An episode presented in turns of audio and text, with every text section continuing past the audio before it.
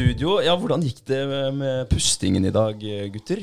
Det gikk eh, bra. Jeg får, jeg får litt sånne spasmetendenser eh, på slutten som regel. Ja. Det kom litt i dag òg. Jeg vet ikke eh, hvordan det gikk for deg, Torvald. Nei, litt på slutten av halvannet minutten der, så kjente jeg det var litt skjelving. Ja. Ja, ja, ja. ja det, det er litt spesielt det der å puste helt ut, tømme lungene, og så holde pusten. Det er ikke så ofte man, man gjør det den veien, liksom. Nei. Jeg syns den, den pustingen ble litt sånn stressende. òg. Å Ja. inn og ut hele tiden. Ja, ja. Du skal egentlig Det er jo det du på en måte Ikke gjør. skal ha, men eh, Ja, det er jo egentlig det du gjør. Overfyller eh, lungene med oksygen. Det er sånn overflow.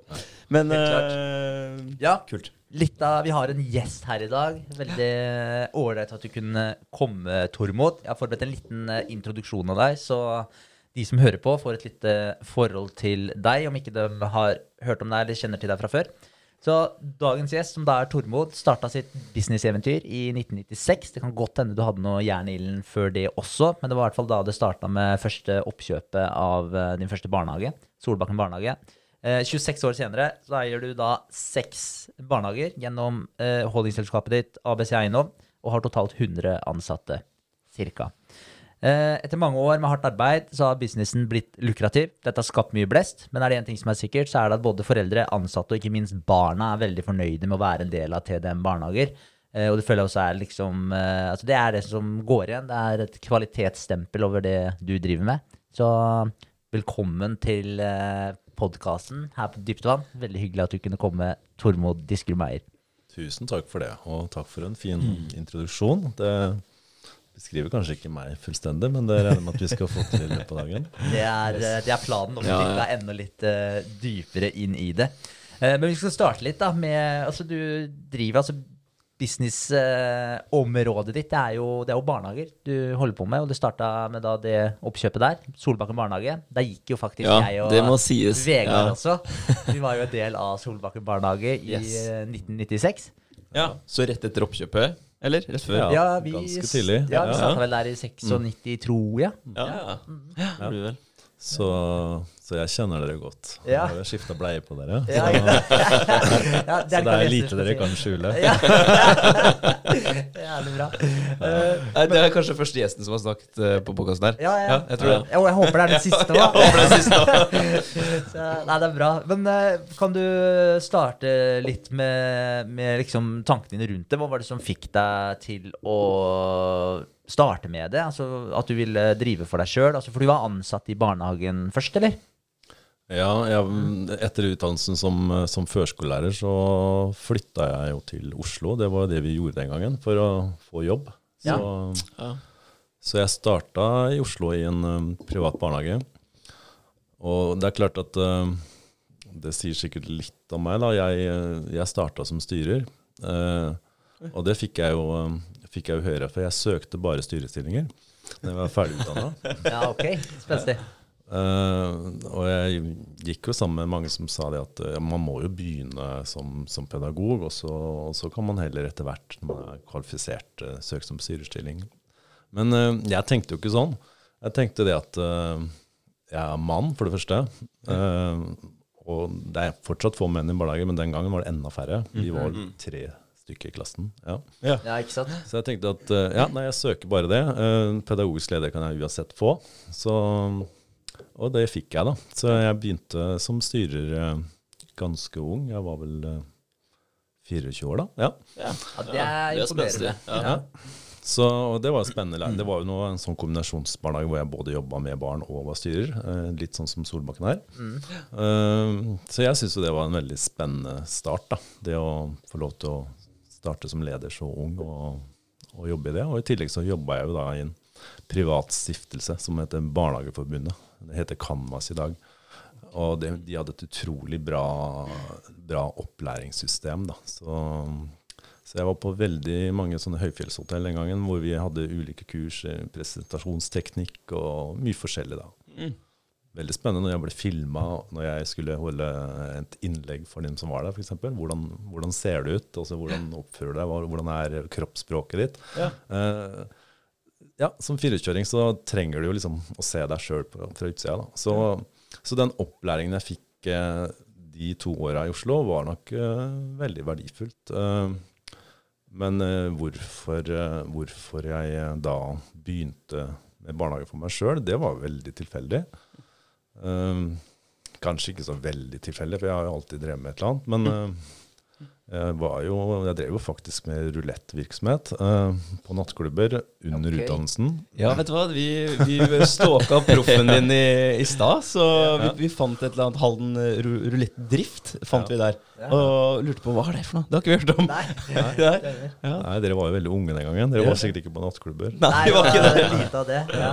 Ja, nei, jeg- jeg starta med det. Og etter hvert så hadde du rett ut, var jeg egentlig ute av en periode, og så ble det TDM Casino. Mm. Ja, ok. Ja, det er fett. Ja, stilig. Eh, Så vi hadde, vi hadde faktisk en, en ti rulettbord ute på nattklubber på det meste. Så, så jeg var egentlig inne i det. Holdt på med det i eh, 15-20 år. Så det er en del av meg, det òg. Og jeg husker det var en lærer på, på, på barnehagelærerutdanninga som, som sa det at uh, Tormod, du kan faktisk ikke jobbe i barnehage og uh, jobbe på med fulle folk på nattklubber. Det gikk ikke. Det henger ikke sammen. Men jeg svarte at det er jo ikke så stor forskjell på fulle folk og barn. Nei, det er Ganske lenge omsorg begge deler. Ja, Det er litt artig det der, faktisk. For du ser jo det, altså, jo fullere folk blir, jo mer barn blir de faktisk. Det er eh, mye av de samme tendensene som, eh, som går igjen. Ustø og filteren er borte, og ja, det er litt sånn. Det er da du ser det ekte mennesket, er det ikke det? Jo, det er det. Det er nok mye sannhet i det òg, jeg tror det. Ga Garden forsvinner litt. Ja. Og, Ja, det er da det kommer. Kjipt for alle de som får fram en dårlig side, men uh, da må man kanskje gå litt inn i seg sjøl. ja. Ja. Ja, eller holde, kan vi holde oss unna dem. ja. Det, det er også muligheter. Men, men den, jeg må spørre, den kasinodrifta, altså det rulettvirksomheten, da, var det en lukrativ greie, eller hva, hvordan gikk det sånn businessmessig? Ja, eh, det var jo ikke rulett, vet du. Det var jo lykkespill med ruletthjul som innretning for trekning etter lotterilovens paragraf 6 første ledd. Ok, ja, ikke sant? Ja. Ja, så det var lykkespill. Lykkespill. Og det var, jo, det var jo sånn at det var bare veldedige foreninger som fikk lov til å drive med lykkespill. Eh, Så, så vi fikk tak i da forskjellige foreninger, om de ville stå for det. Eh, Og så drev vi, eh, i ruletten for dem, og, og så fikk de en andel av overskuddet. Ja. Så, Ja, så vi måtte dele overskuddet med dem. Men eh, nei, altså lukrativt, ja det var jo det. Eh, når jeg hadde flere bord, og det var jo selvfølgelig hard jobbing, men jeg, jeg hadde nok en årslønn på det. Så, Ja, ikke sant? eh, så det var bra ved siden av Det var kanskje derfor jeg klarte å få kjøpt Solbakken barnehage òg, fordi at jeg hadde, hadde litt ved siden av. da. Ja. Ja, ikke sant? Ja. Så kult. Men åssen er det øh, du går rundt og, og får øh, satt ut disse ruletteborda på de ulike stedene? Selger du deg inn med at uh, jeg vil være en partner med, med din uh, nattklubb? Uh, vi kan uh, Ja, Du deler jo overskuddet med nattklubben og Ja. den foreningen og deg selv. da, for å si det sånn. Så, men det var hard jobbing å komme inn på nattklubbene. eh, fordi at de var jo opptatt av stolene sine, og de stolene var verdt det salget de hadde. da. Så jeg måtte på en måte overbevise dem at en ting er at dere har et tilleggstilbud som er veldig interessant for gjestene, og at det vil da generere mer. da. Så... Men vi hadde ganske tøffe tak på jeg vet ikke, Alexis Dancing, var det noe som het i Alden? Hørt om. Hørt Ja. om. Det var for, før vår tid. Ja, Alexis. Han, der som Hanstadgården ligger nå, ja. da, var det jo, da var det jo pianobar nede, og så var det diskotek i antasje. Så vi fikk jo ikke lov til å være Vi ville jo helst være i pianobaren, for der var de eldste gjestene eh, som hadde mest penger til å kunne spille.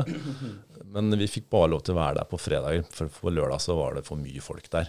Så vi bærte dette rulettbordet mellom første og andre etasje hver, mellom hver fredag og lørdag. Ja.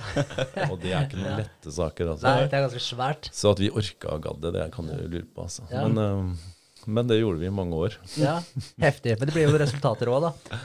Ja da. Ja. Og så, og så var det ble jo, ble jo en livsstil. Jeg, når jeg passa dere i barnehagen, så, så dro jeg jo etterpå på nattklubb, og så jobba jeg der i helgene.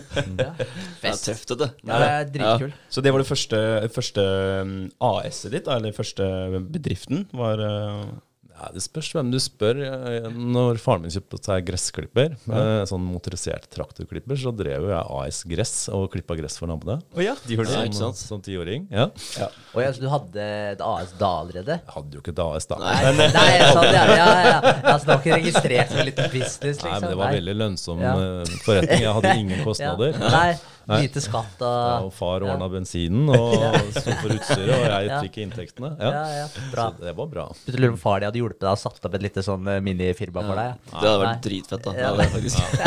Nei, ikke det. Nei, da, så jeg har vel alltid vært eh, opptatt av å, å skape og, og, og få til ting, da. Sånn sett. Så jeg kjøp, kjøpte ja. vel mine første aksjer som eh, også tolvåring eller sånn. Ja, ikke sant? Ja, Så du holdt på Kunne en del gått med bra hvis ikke det hadde gått konkurs. Ja. Ja. Ja, det er herlig. Men eh, når det kommer til Solbakken, da, altså det oppkjøpet der, eh, hva, på en måte, hva var det som fikk deg til å, til å gjøre det? Og, og hva, hva var liksom motivasjonen bak å begynne å holdt jeg på å si, ta et enda større steg? da? Eh, altså du, du virker veldig ambisiøs altså når du går for å ta en sånn lederjobb med en gang du kommer ut fra utdanninga di, så, så sier jo det litt, da. Også når du i tillegg har drevet og sjonglert det med den uh, rulettvirksomheten ved siden av, og så kjøper du da opp eh, Solbakken barnehage i 96. Altså hva, hva var tankene, liksom? Hva var på en måte målet ditt? Hva var motivasjonen din for det?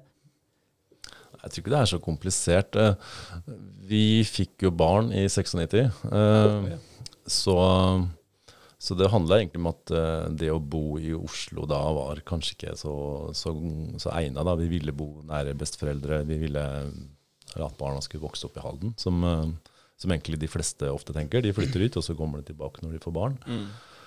Og hva gjør det da? Det var jo umulig å få jobb i Halden. Uh, så, men det var veldig tilfeldig. Det, for Solbakken barnehage sto til salgs i Halden Arbeiderblad. Ja. Så, så da tok jeg kontakt og sa at eh, den kan jo jeg kjøpe. Og det fikk jeg. Kult. Så, så det var egentlig så enkelt. Jeg hadde nok ikke noen ambisjoner da, om at eh, det skulle bli noe mer. Eh, jeg jobba jo sjøl på Solbakken i, i ganske mange år, fram til 2000, tenker jeg. Ja, Det var kanskje bare fire år, men det var jo veldig, veldig fine år, da. Og det å jobbe med barn er jo en unik ting. Du kan drive med det du liker best å gjøre.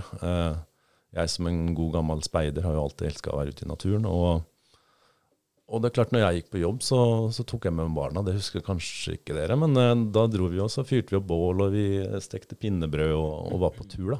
Ja. Ja. Og det å få betalt for det er jo egentlig fantastisk. ja, det er jo det. Så Ja, det er veldig sant. Absolutt. Men jeg husker noen av de turene. Ja. Ja, jeg gjør det. Ja. Jeg håper det, at det Ja. ligger litt Ja, ja. Ja. Jeg husker ganske mye fra barnehagen, faktisk. Jeg òg. Ja. Ja. vi storkoste oss jo. Det Ja. var jo kjempeålreit. Men det er fordi dere gikk på, på TDM-barnehage, da. Jeg gjorde jo ikke det, så jeg husker jo ingenting. Det var ikke noe action. Det var ingenting som skjedde. Ingen som tok med meg på tur. Jo, det var sikkert det, altså. Men, eh, men det er jo litt skryt til Det, er jo, det ligger jo litt eh, bak det. Noen tanker bak TDM-barnehager. Det het jo ikke det da, kanskje. Nei, da heter jo Solbakken bare, da. Ja.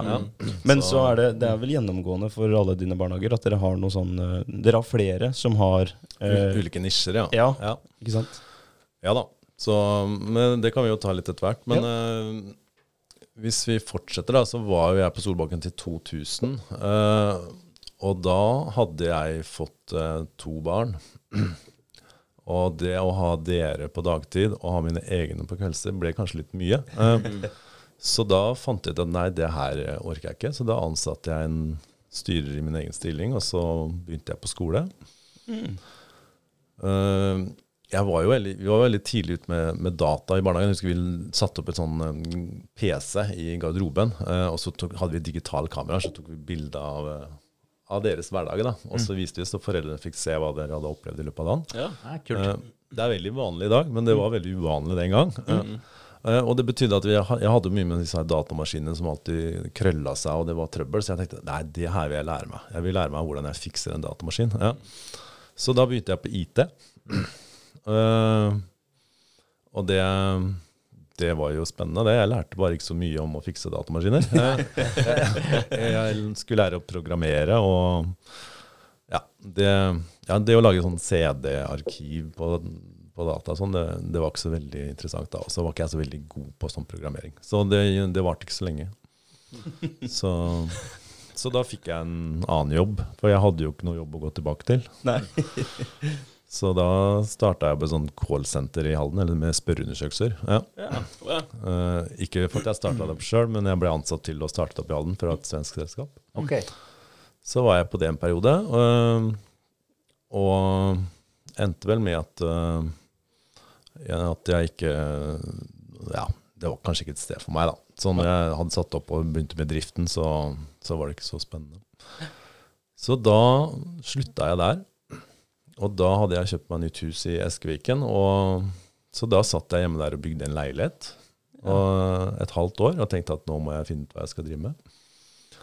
Og da var det Trolltangen barnehage som, som het Trollklubben eh, korttidsbarnehage, som var på Speiderhuset. Og jeg er jo gammel speider, og jeg var jo godt kjent der, da.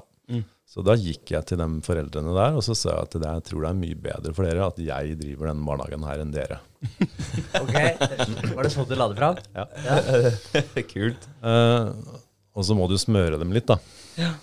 Det her er en yrkeshemmelighet, da. Ja.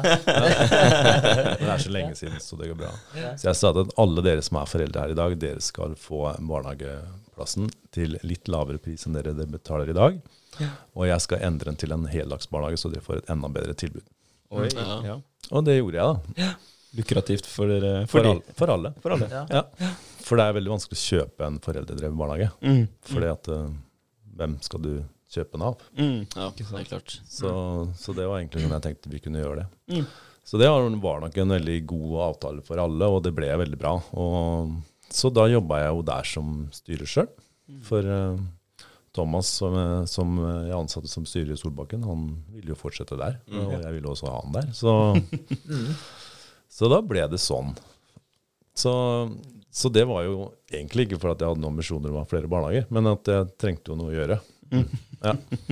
Og, og så var det jo det jeg kunne. Ja. Og det er vel ofte et viktig element i livet, å gjøre det du kan. Da. Så, så da jobba jeg der noen år, og så var det egentlig et menighetshus oppe på Asak som ble til salgs, for der hadde det også vært en korttidsbarnehage som hadde flytta til, til Glenne. Så da kjøpte jeg det bygget, og så bygde jeg da en ny barnehage. Mm. Og det var vel den første som jeg på en måte bygde om helt sånn fra bånn, for da var det jo ingen virksomhet der fra før. Mm. Og når vi snakker om nisjer, da, da hadde jo jeg to naturbarnehager. Mm. Som var helt naturlig for meg, både som speider og og at jeg var glad i naturen og glad i å gå på tur. Så tenkte jeg nå skal jeg finne på noe helt nytt. Uh, og hva kan det være? Jo, det, hva er det som rimer på natur? Jo, det er jo kultur. Ja. Ja, ikke sant? Som jeg også er veldig opptatt av. Jeg elsker jo å, å dra på konserter og opera og forskjellige forestillinger. Så, så da hadde jeg en fantastisk idé om at jeg skulle bygge dette huset med forskjellige rom eh, basert på, på ulike kulturelle aktiviteter. Så, så vi bygde et bibliotek, og vi bygde en, en speilsal for dans, og et, et malerom, sånn kunstnerrom. da. Ah, Ja. Så. Ja, det er kult. og det var en avdelingsløs barnehage, så vi, vi hadde ikke sånn at du kom inn i en avdeling, og så hadde dem sitt rom. Alle skulle bruke hele huset, og det skulle roteres. da. Ja, Så det er ikke liten avdeling, stor avdeling og Nei. Nei, ikke sant? Og det krever jo veldig organisering, for Ja. du må jo planlegge veldig. Men, uh, men det gikk noe, gikk noe bra, det òg. Uh, utfordringen var kanskje at vi så for oss at vi skulle ansette bare kulturfolk uh, som var eksperter på alt. Eh, det er nok ikke sikkert at det, det var så lurt. Eh, for du vet at det er, av den nisjen da, så er det kanskje 3-5% som er det, og så er 95% det å ha omsorg og alle de andre aktivitetene vi må gjøre med barn. da. Mm. Så vi må også skifte bleier. Ja. Og vi må servere mat. Vi må, vi må gjøre ganske mye, da. Holder ikke å bare spille musikk eh, for barna. Bleiene forsvinner ikke det, av den grunn, liksom. Jeg gjør ikke det. Nei, det så, så det ble nok eh, sånn sett uh, vanna litt ut etter hvert. Men uh, kulturbarnehagen har vi fortsatt. Og det å gå inn i en barnehage og høre dem spille piano og klimtre i bakgrunnen, og de setter opp forestillinger og sånn, det er jo en fantastisk fin ting. Eh, Ja. Og, og den mestringsfølelsen da, Mm. små barn får av å kunne stå på en, en scene, og for foreldre og andre, det er jo det er en veldig god grunnsten i livet, tenker jeg. Mm. Så det er også en fin vinkling inn til voksenverden. Definitivt. Ja, Det, ja. det er bare det med å bygge selvtillit òg. Du hjelper jo ungene å bygge selvtillit. De får jo klare å produsere noe, fremføre det. Eh, ja. altså definitivt. Jeg tror det også er en veldig viktig greie. da, Bygge Ja. selvtillit fra man er ung. Ja, det er det viktigste. Mm. Det er derfor dere sitter her nå. Ja, Ja. ja, det er På grunn av Tormod, faktisk. Han bygde dere opp. God, ja, ja. God oppdragelse i barnehagen. Men vi har jo snakka om det tidligere òg. De, de første åra er jo så viktig. Vi snakka senest for et par dager siden, Henrik. Ja. De der null til tre år. Null til tre år, ja. At Ja. dem, eh, ja, for det er jo, holdt jeg på å si eh, Ja, det er jo klinkende klart sånn i faget psykologi, da, at der, eh, hvis man feiler da, i sosialisering av et barn fra mellom null og tre år, da, da du, du får aldri korrigert det helt eh, eh, etterpå. Da. Altså, barnet må på en måte bli ordentlig sosialisert da, uh, innen de er tre år gamle. Mm. Så den eh, De er noen små svamper når de er uh, bitte små, selv om man eh, ikke tenker det hele tiden. At eh, ja, for de har ikke begynt å snakke igjen. de har ikke begynt- Men de, de svamper opp følelser, og de svamper opp alt som er, egentlig. Mm. Ja, så det, er- så det er utrolig viktig, da, altså den der perioden her. Eh, og, og barnehagen også er jo en stor del av det. da, altså Man er jo der i Jeg vet ikke hvor mange timer man er der, men det er jo fort Det er jo en arbeidsdag, da. Ja, det er jo det. Ja. Åtte-ni timer. Ja. Så, og faktisk før det, altså det første året for et menneske er egentlig utrolig verdifullt. Og det ser vi jo. Vi har jo barn i barnehagen som kanskje har hatt, eh, bodd i oss, ja, vært, opplevd ting, da. eh, Og kommet til Norge og, eh, og kanskje også adopterte nye foreldre. eh, Men, men, vi, men de kommer aldri ut av det. Så, så det som hendte det første året, det, det vil eh, prege dem resten av livet. Mm. Så, så det er mer er ganske vesentlig, det Ja, som ja. tidlig. Ja. Definitivt. Så, og det er på en måte, hva skal jeg si, det er det, det er jo litt trist òg, da. Altså sånn eh, hvis man da Det er ikke sånn at det ikke er håp, men Nei, nei, men det er sånn Nei, det er som du sier, altså, det er jo ikke sånn at det ikke er håp, men, men det, er, eh, det blir en på en måte Det blir noe man drar med seg hele veien. da Man kan selvfølgelig mitigere det på sikt, selvfølgelig, så, til en eh, viss grad. da Men ja. men ja, så litteraturen her er jo litt dyster, men det er jo litt sånn da får man jo ta det til seg og så gjøre det beste. Ja. Men tidlig innsats, det er det vi må satse på. Det er så enkelt. Det er, allerede når, eh, når mødre går gravide, så må vi ha helsestasjon som ser dem, Ja. eh, og vurderer om de kanskje er egna til å ta vare på de barna. Mm. Ikke sant? Ja, ikke sant? Det er såpass brutalt, egentlig. Det er jo det, og det er viktig det, at det blir fanga opp.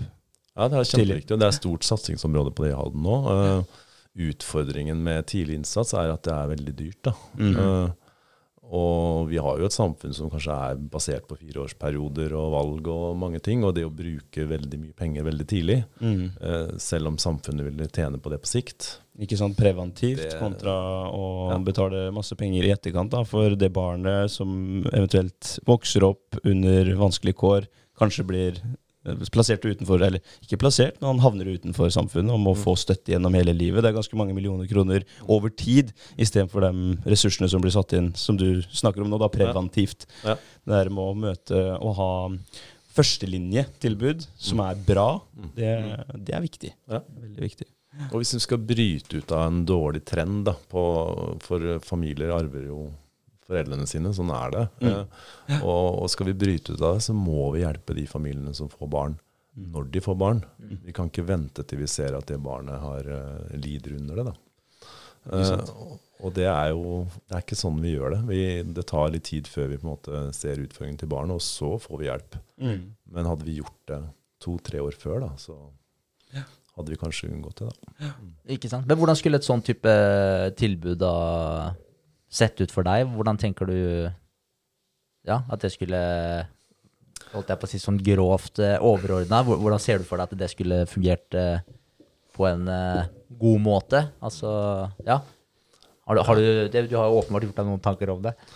Ja, men jeg er jo ikke fagmann på det, da. Nei. Så Nei, jeg tenker jo at vi må forsterke helsestasjonen mye mer, og, og, og lære å kjenne når, når vi ser at det er familier som, eh, som har utfordringer, da, og de får barn, så må vi gå inn og, og hjelpe dem i hjemmet ganske tidlig. Da, og, og sånn så de, ja, de tar vare på og holder orden. og Det er mange ting i det der. Da. Så, men det krever jo veldig mye ressurser i den tiden, og, og, og man krever at alle ser dem da.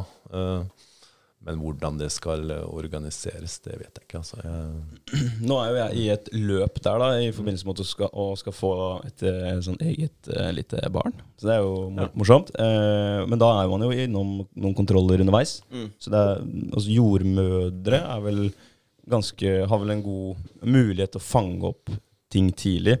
Hvis, eh, hvis jeg hadde banka opp kona mi, holdt jeg på å si, så, så hadde det vært muligheter for å fange opp det på alenesamtaler der, da, at eh, min eh, forlovede, eller moren til mitt kommende barn, kunne fått uh, lufta det til jordmor, og jordmor uh, kunne hjulpe prosessen videre, f.eks. At det, det tas tak tidlig der, at det samarbeidet over, over hele linja er bra. da, At det, man, har, man har jo som regel tilgang til eh, historikken og journaler og litt sånt noe fra, fra fastleger, hvis man kunne samarbeida mellom fastlege og jordmor. Jeg vet ikke om det, det kan eh, fungere preventivt. jo, du er jo inne på, på løsningen, kanskje, men utfordringen i dag er jo taushetsplikt. Så da Ja. må du jo lage systemer som deler informasjon. da. Ja.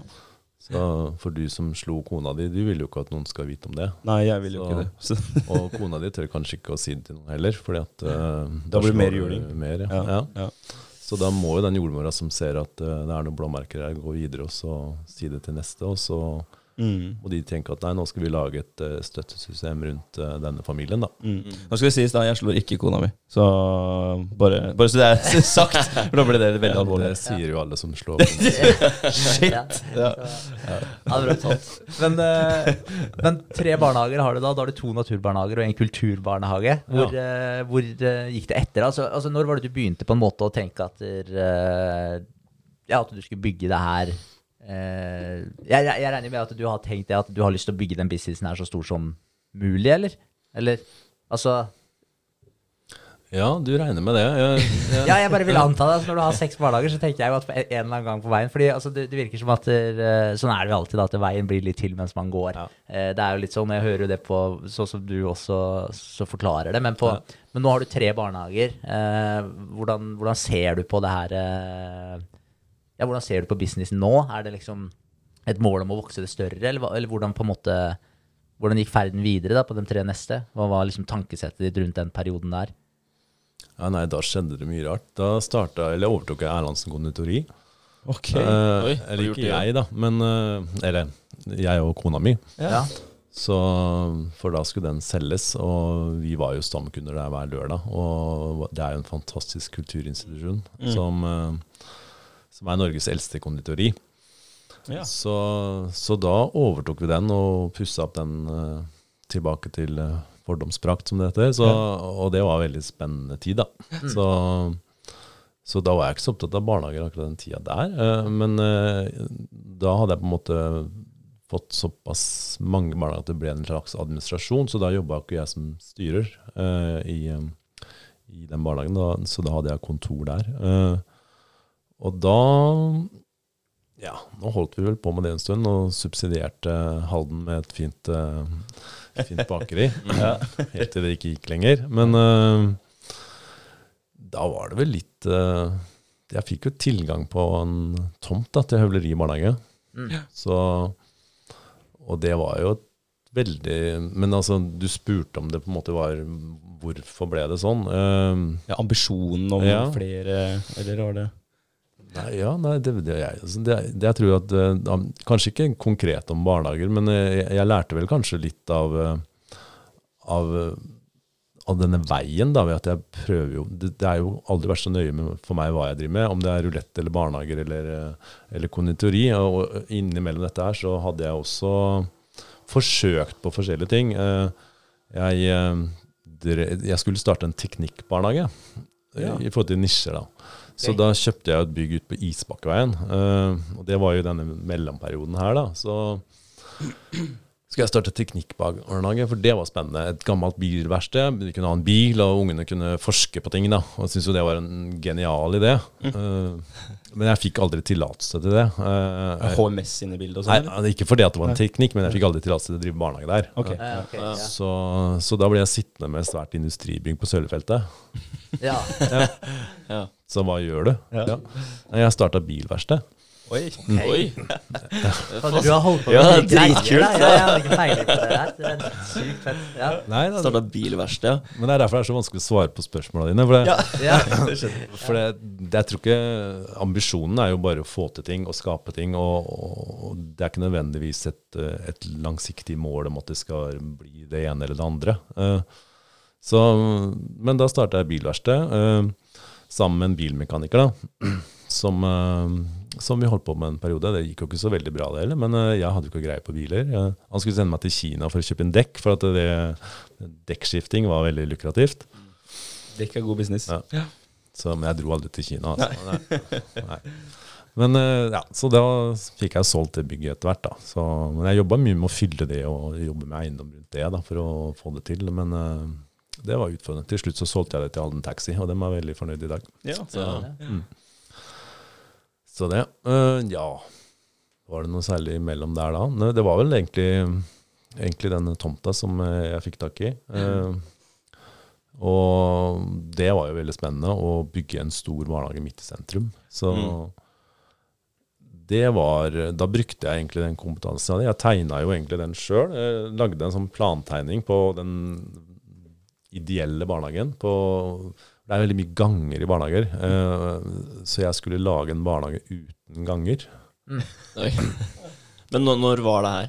Det her var jo i 20, 2013, hvor jeg 2013. begynte med det her. da, 2012-2013. Den var ferdig i 2014. Ja. Ja. Men du sier du fikk tilgang på, på en tomt. Eh, Var det nettverk, eller var det, mm, var det hvordan Fordi det er, det er også ettertrakta tomter sentralt. Ja. Så det er nettverksrelatert. Ja, du vet, Jeg er i en sånn turgjeng sammen med faren til Ja, vi snakka om det litt. Da. Gått noen morsomme turer. Ja. Så, så den eh, Det var vel etter en tur til Himalaya, ja, hvor Ja. vi snakka om noen løsninger. Ja. Ja. Kult. Så det var jo Trond Østby som hadde den. Mm. Ja. Ja. Ikke sant? Da kjøpte du, kjøpte du den av Trond? Ja. Ja. Så det var, eh, det var jo heldig, for å si det sånn. da. Ja. Ja. Det, men det var også veldig spennende. Da, som jeg sagt, da tegna jeg den fra bånn, og så fikk jeg en annen kamerat, til å, Robin, til å tegne den på maskin rundt den. Og så, så ble det høvleri i barnehage, da. Så det var eh, et morsomt prosjekt. Da sendte jeg tegningen på høring til alle ansatte. Og alle fikk uttale seg om hvordan tror de dette kan fungere i deres hverdag og sånt. da, Hva bør vi gjøre og endre og sånt. da. Fikk, fikk du mye tilbakemeldinger eh, på det? Ja, det var litt justeringer på veien der, altså. Ja. Så, men, eh, men i ettertid så var jeg veldig spent, for én ting er jo hva man ser på en tegning, men det er jo hvordan hverdagen fungerer. Men, Mm. eh, og det har jeg spurt om mye i ettertid, og de er utrolig fornøyd. Mm. Så, så det fungerer. Det er moro da, når man har brukt så mye tid og planlagt et så stort Ja. prosjekt, og at det faktisk blir eh, bra. Ja. Ja, ja. Ja, så, så da, og det fulgte jeg jo hele prosjektet der. Da, det var jeg som var prosjektleder på bygginga, og, og det er jo utrolig kult. da. Så, men jeg var litt nervøs en stund, da. Eh, Det ble jo et ganske dyrt prosjekt. og og samtidig som jeg hele tiden ikke ville skorte på ting. da, Så der har vi jo svømmebasseng og gymsal og, og, og brukt noen litt dyrere løsninger på ting. Men i ettertid så er jeg jo veldig glad for de valga. Eh, for, da, for det første så tror jeg det varer lenger. eh, og så har det blitt eh, ja, veldig fint, da. Så, men det har vært mye kamper på veien der. Og da, at det var for volumiøst i sin form og passa ikke inn i omgivelser. Det er jo mange utfordringer med byggesak og de tingene for å få ting til å bli bra. Mm. Eller få det gjennom, da. Ja. Men nei, altså, det var spennende. Og da skulle vi ansette folk der, og det var jo helt vilt søknad på. Så da hadde vi vel 500 søkere. Ja. Oi, såpass, ja. Heftig. Så, så det var spennende. Da, og da ble det jo Thomas, han som uh, fikk jobb i 2000 på Solbakken, som ble styrer der. da. Mm. Så han har vært med hele tida der. Men eh, ansettelser, kan vi eh, bare prate litt om det òg? Hva, hva er det du ser etter i en ansatt? Altså når du får 500 søkere, så Jeg regner med du ikke intervjua alle sammen, men eh, hva er på en måte hva, hva er det du leter etter i en ansatt? Når du skal ansette noen Det for må å være folk som har flaks, så vi tar jo halvparten, og så kaster vi dem. ja, ja. Så ser vi på resten. Ja. ja. Det er ikke vits å ansette folk som har uflaks. Nei. Nei, det er ingen som vil ha folk med uflaks. Nei. Det er bra. Nei, det er jo et veldig vanskelig spørsmål. eh, For at det er ikke et, eh, et et svar på det. Mm.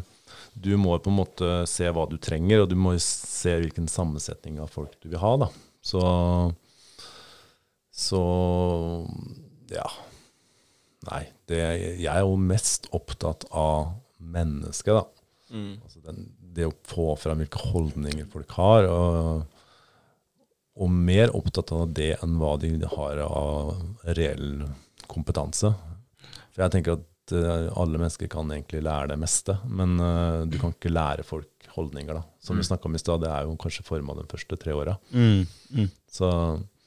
Men det er veldig vanskelig. Det, det er veldig vanskelig å ha et uh, jobbintervju og klare å finne ut, treffe på de tingene. Uh, og det gjør du ikke heller. Du bommer jo noen ganger. Du, men etter hvert som du har gjort det flere ganger, så får du kanskje litt mer følelse og erfaring på det. da. Mm. Men det, men det må være en sammensatt uh, greie, det der. Fordi du har jo nå eh, mange barnehager uh, som du skreddersyr litt. Rann. Altså du, kan, ja, du har uh, dyr, natur, dyrbarnehage, dyre- og naturbarnehage, og så har du kulturbarnehage, og så har du eh, disse andre barnehagene som du Dere er jo private, så du kan jo forme de litt som du vil, og så kan du ta, ta inn ansatte som du tenker passer til de forskjellige barnehagene, og, og alt for å legge til rette for en best mulig eh, barnehagetid for barna. Mm. Det er en veldig, veldig sammensatt eh, og egentlig kompleks greie. For du, det, jeg regner med at der, ja, det er jo en business, men du er jo også opp, å, åpenbart opptatt av at barna skal få det best mulig, og ende opp litt sånn som de to, to som sitter her. Mm. Ja, kanskje ikke Vegard, men det kan du gå bra med. Jeg støtter det faktisk. Ja, nei, men det er, jo, det er jo helt klart. Og, og, og, og du kan si En barnehagehverdag består jo av mange forskjellige elementer, og vi trenger folk som er gode på alt. Altså, vi kan ikke bare, hvis vi har en aktivitetsbarnehage, bare ha de sporty folka som er opptatt av å, at ungene skal ut og løpe. Eh, vi må også ha de som har eh, stor grad av omsorg, som, eh, som barnet kommer til, og som er, de fleste har det, da, men noen er bedre på det enn andre. Uh, Og så trenger vi også den uh, personen som som ser at den kaffekoppen kan ikke stå der, den må vi ta med bort på kjøkkenet, og vi må holde det rent og ordentlig. Ja, ikke sant. Ja, og så vi trenger kanskje den praktikeren som kan bytte den lyspæra. Så vi trenger jo en, en bredde av eh, forskjellige egenskaper. da. Ja. Eh, og det finner du ikke alltid i samme menneske. Nei. Det, det er noen av oss som har det, men de fleste har ikke det. Nei. Men setter du også, øh, eller dere da, ansatte, setter dere dere ned og øh, utforme hvordan barnehagedagen skal være? Har dere uh, ulike rutiner for de ulike nisjene? Er det sånn at dere, uh, eller er det en, har dere en mal på TDM som er ganske lik en kommunal barnehage, eller hvordan fungerer det? For det, du, det er jo, du skreddersyr jo dagen til fremtidige voksne. Nei, altså vi er jo veldig styrt av eh, Vi har jo en rammeplan som, Mm. eh, som sier noe om hva vi skal innom hver dag, f.eks. Ja. Men, eh, men det er klart at den enkelte barnehage kan jo velge hvordan dagsstrukturen sin skal være. Om den skal, skal være veldig fast, eller om den skal være litt løs og flytende og være styrt på barnas premisser. Og det kan være forskjellige tanker rundt det. da. Eh, Men innholdsmessig så kan du si at en, en kulturbarnehage eh, har jo mer fokus på aktivitet og læring via kultur, mens en natur har da fokus på aktivitet og læring via natur. Altså det å ta naturen inn i en samling og holde på med det. eh, Ja, og det å lære ute i naturen. Eh, Du kan jo lære matematikk både ute i naturen, og du kan lære matematikk i forbindelse med instrumenter. Eh, Og det er på en måte innfallsvinkelen til å klare rammeplan, men med forskjellig Mm. utgangspunkt, da, eller Ja. nisje, på en måte. Eh, Så det er jo veldig spennende. Ja. Og den friheten har jo den enkelte barnehage til å styre selv. Ja, det. Men i forhold til valg av folk, så, så er det jo noen som er veldig glad i å synge, og så er det noen som ikke liker å synge, og så er det noen som ikke er så glad i å være ute, mens andre er veldig glad i det. Og, og de, den muligheten hos oss er jo at de kan jo søke seg over til en annen barnehage som, som har kanskje mer den nisja som passer dem, da. Ja. Og, og det gjør vi jo, og det legger vi opp til, da. Mm. Så, og da får du også nye miljøer. Og vi får delt kompetansen. Så når du har en person som Nei, nå tar jeg ett år og så jobber jeg et annet sted. Og så, særlig nå i det er en, det er en utfordring vi får til nye tellesystemer som har kommet i byen, som gjør at ja, vi, vi kan få overskudd på ansatte da, i perioder. Og da, hva gjør vi da? Jo, vi må på en måte vi, kan, vi slipper jo å si dem opp fordi vi kanskje har plass til et annet sted. Uh, så vi har ikke gjort det ennå. Så da flytter vi dem til et annet, annet, annet barnehage. Vi kan enten gjøre det fordi vi må det, men også fordi at noen vil det. Uh, og fordelen med det, da, det er jo at for det første så får man jo nærhet mellom barnehagene. Når, eh, når Guro har vært uh, på Trolltangen ett år og skal tilbake til, eh, til Høvleri f.eks., så får jo, kjenner jo de hverandre, både barn og personale. Og Det gjør at eh, det blir veldig lett for eh, Høvleri å besøke Trolltangen, Ja. eh, for de kjenner jo Guro der. Ja. For en relasjon Ja. der, ja. og så har jo Guro da hatt ett år hospitering da, på Høvleri og lært hva de driver med der. Og oi, fått noen gode ideer som man kan ta med seg tilbake til Trolltangen f.eks. Mm. Og, og den roteringen av ansatte tror jeg er veldig bra. Eh, og man unngår også at personer blir litt sånn låst da, ved at du er på samme arbeidsplass i veldig mange år. Eh, så kan blir du satt i mønstre og systemer som ja, Både så er det kjedelig jobbmessig, men eh, det gjør jo også at inspirasjonen og motivasjonen din kanskje daler litt. da. Mm. Og ved å kunne rotere litt, så, så våkner man litt igjen, og man får nye innspill og ny inspirasjon som gjør hverdagen bedre. Og det blir bedre for barna. Ikke sant? Så, Fin måte å gjøre det på. Ja. Det er det. Definitivt. Altså Man får jo fort uh, tunnelsyn uansett hva det er man driver med. liksom, Så blir det litt sånn Det er den her måten man gjør det på. Så det, som du sier, å få litt uh, inntrykk og ideer fra andre steder, det er jo gull verdt. Men merker du det nå, altså sånn eh, Ja, i forhold til det når du har fått flere barnehager og har muligheten at, til å ha det, det systemet her, at du kan uh, rullere på de ansatte mellom de forskjellige barnehagene og sånn, har du merka at det har eh, bidratt veldig da, på kvaliteten på de forskjellige stedene. At det kommer mer ideer, at det kommer at du kan gjøre mer eh, positive forandringer. Eh, at du drar de synergiene eh, videre. Er det, er det noe du har merka liksom, en stor forskjell på, eller er det bare en sånn liten positiv bieffekt eh, ved det? Jeg kan ikke si at jeg har merka en stor forskjell. Vi har egentlig holdt på med det hele tiden. Ja. Så, men det vi har jobba med den siste, etter hvert som vi da åpna høvleriet, så begynte det å bli mye ansatte. da. Og, så da har vi jo hatt felles eh, samlinger f.eks. med alle pedagoger, eh, hvor de kan gjøre nettopp det, altså utveksle felles ideer og, og jobbe med strategier som vi skal jobbe med felles alle sammen. Så, så det vi, var ganske godt organisert før pandemien, så det, var, det kommer vi nok til å kjøre i gang igjen. Ja. Og så har vi jo ledergruppa, som er alle styrerne og meg, da, som, eh, som har jevnlig faste møter, hvor vi legger tanker og ideer og finner ut felles ting som vi skal jobbe med alle sammen. Så, og alle har jo én visjon, Mm. og den husker dere sikkert fra Solbakken, for den er ganske gammel. Ikke dere, da. Frihet og glede i et positivt miljø. Ok, Så det er sant? kjerneverdien til, eh, til dem? Ja. Så, og, en, og en grunnleggende strategiplan som gjelder for alle, da. Eh, med det som øverste visjon. Og det skal da, den, du skal alltid tenke gjennom det du driver med. Da. Er dette ifølge visjonen? Ja, Er det i tråd med visjonen? Ja. ja. Det, det er litt kult, da, for da har du det der gjennomgående prinsippet da, som ligger til grunn for alle avgjørelser, og at du sjekker det opp mot, mot det prinsippet. Det er, det er kult. Når, når var det du Starta du med det i 96, liksom? Ja, jeg Ja. gjorde nok det. Ja. Jeg tror kanskje jeg skrev den i 97. Ja. Ja. Kult. Og vi har ikke endra den ennå. Og det har vært diskusjoner om den skal endres. Ja. Eh, Men eh, du vet, med en sånn visjon, så kan du egentlig legge hva du vil i det. Mm. Eh, Men eh, så, så vi har vel landa ned på at alle syns han er veldig bra. Ja. Ja. Men det er nok veldig forskjellige mennesker som kan ha forskjellige tanker i hva det er. da. Så, og jeg må jo mase om det. Ja. Eh, spør alltid du er visjonen vår, egentlig. Ja.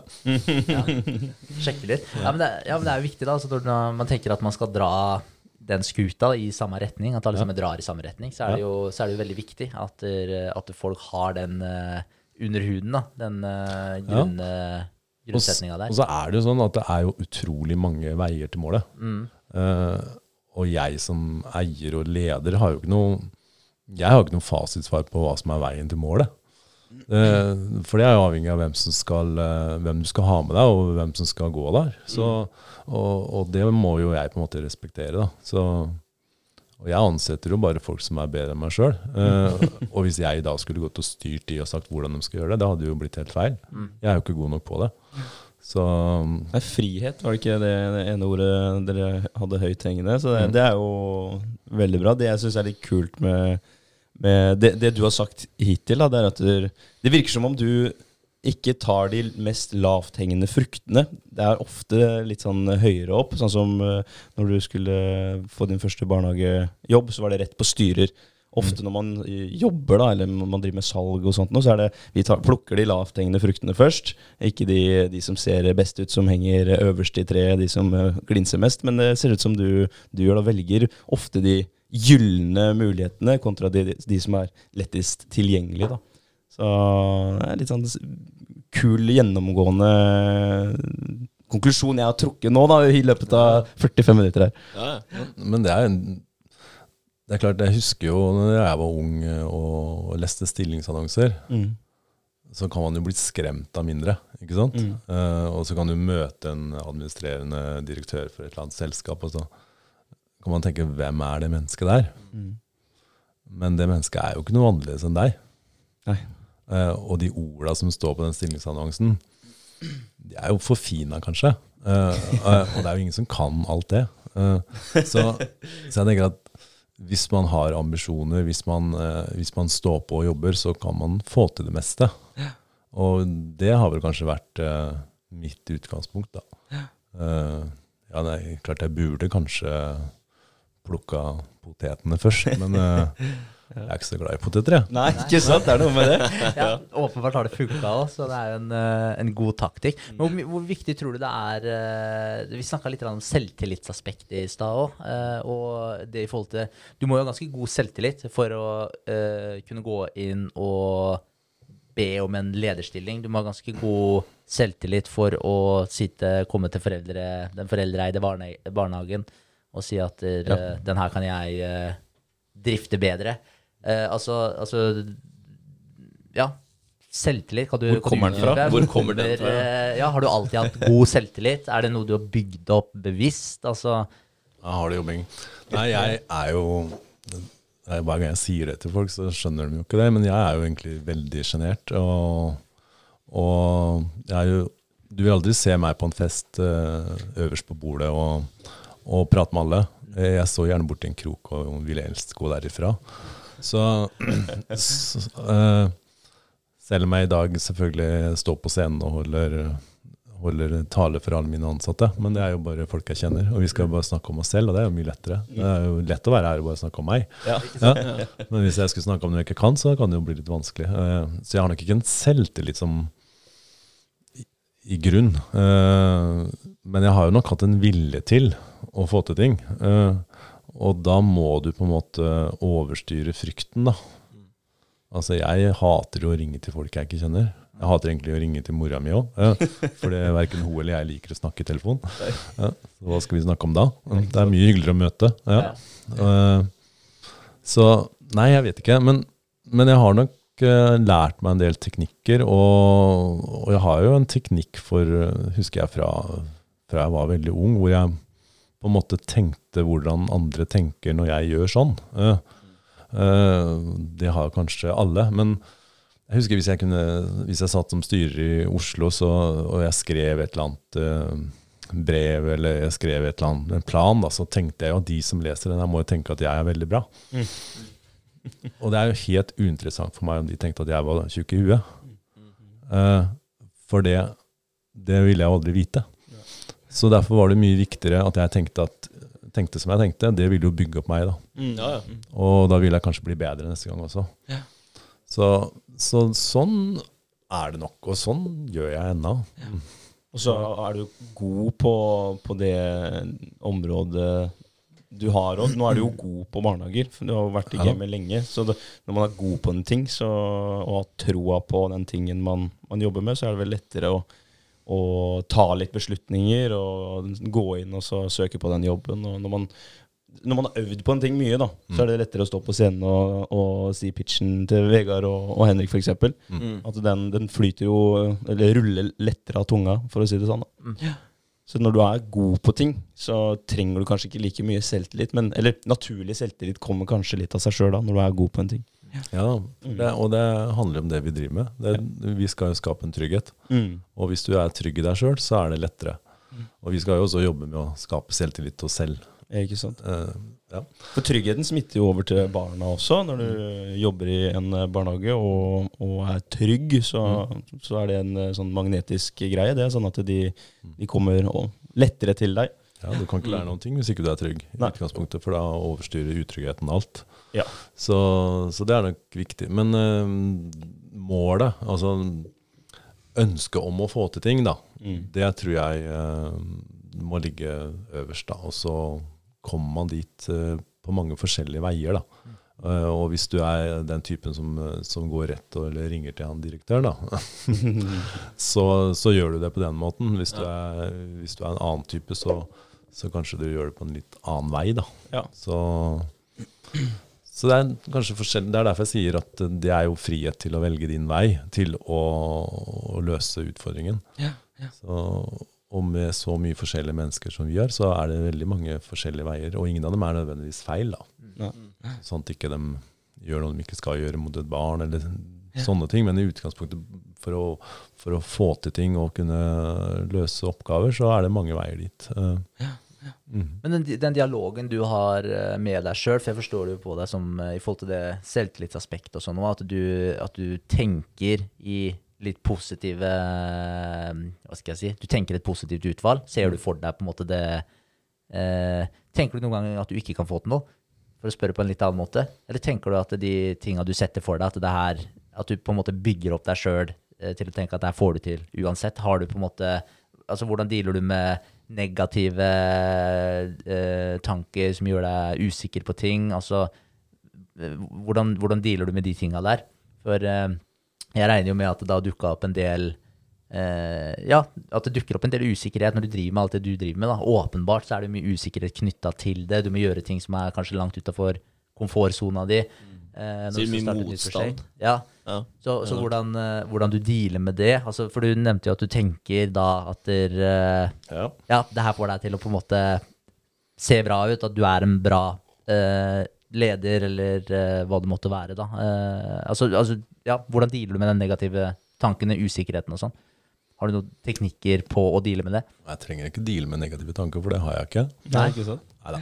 Alle har sikkert det i perioder, men nei, altså når jeg skal få til noe, når jeg jobber med en sak, så, så tror jeg så er jeg bare opptatt av å få til det. Eh, eh, hvis jeg da i den prosessen tenker at jeg får det ikke til, så, så er det jo ikke nødvendig å drive med det.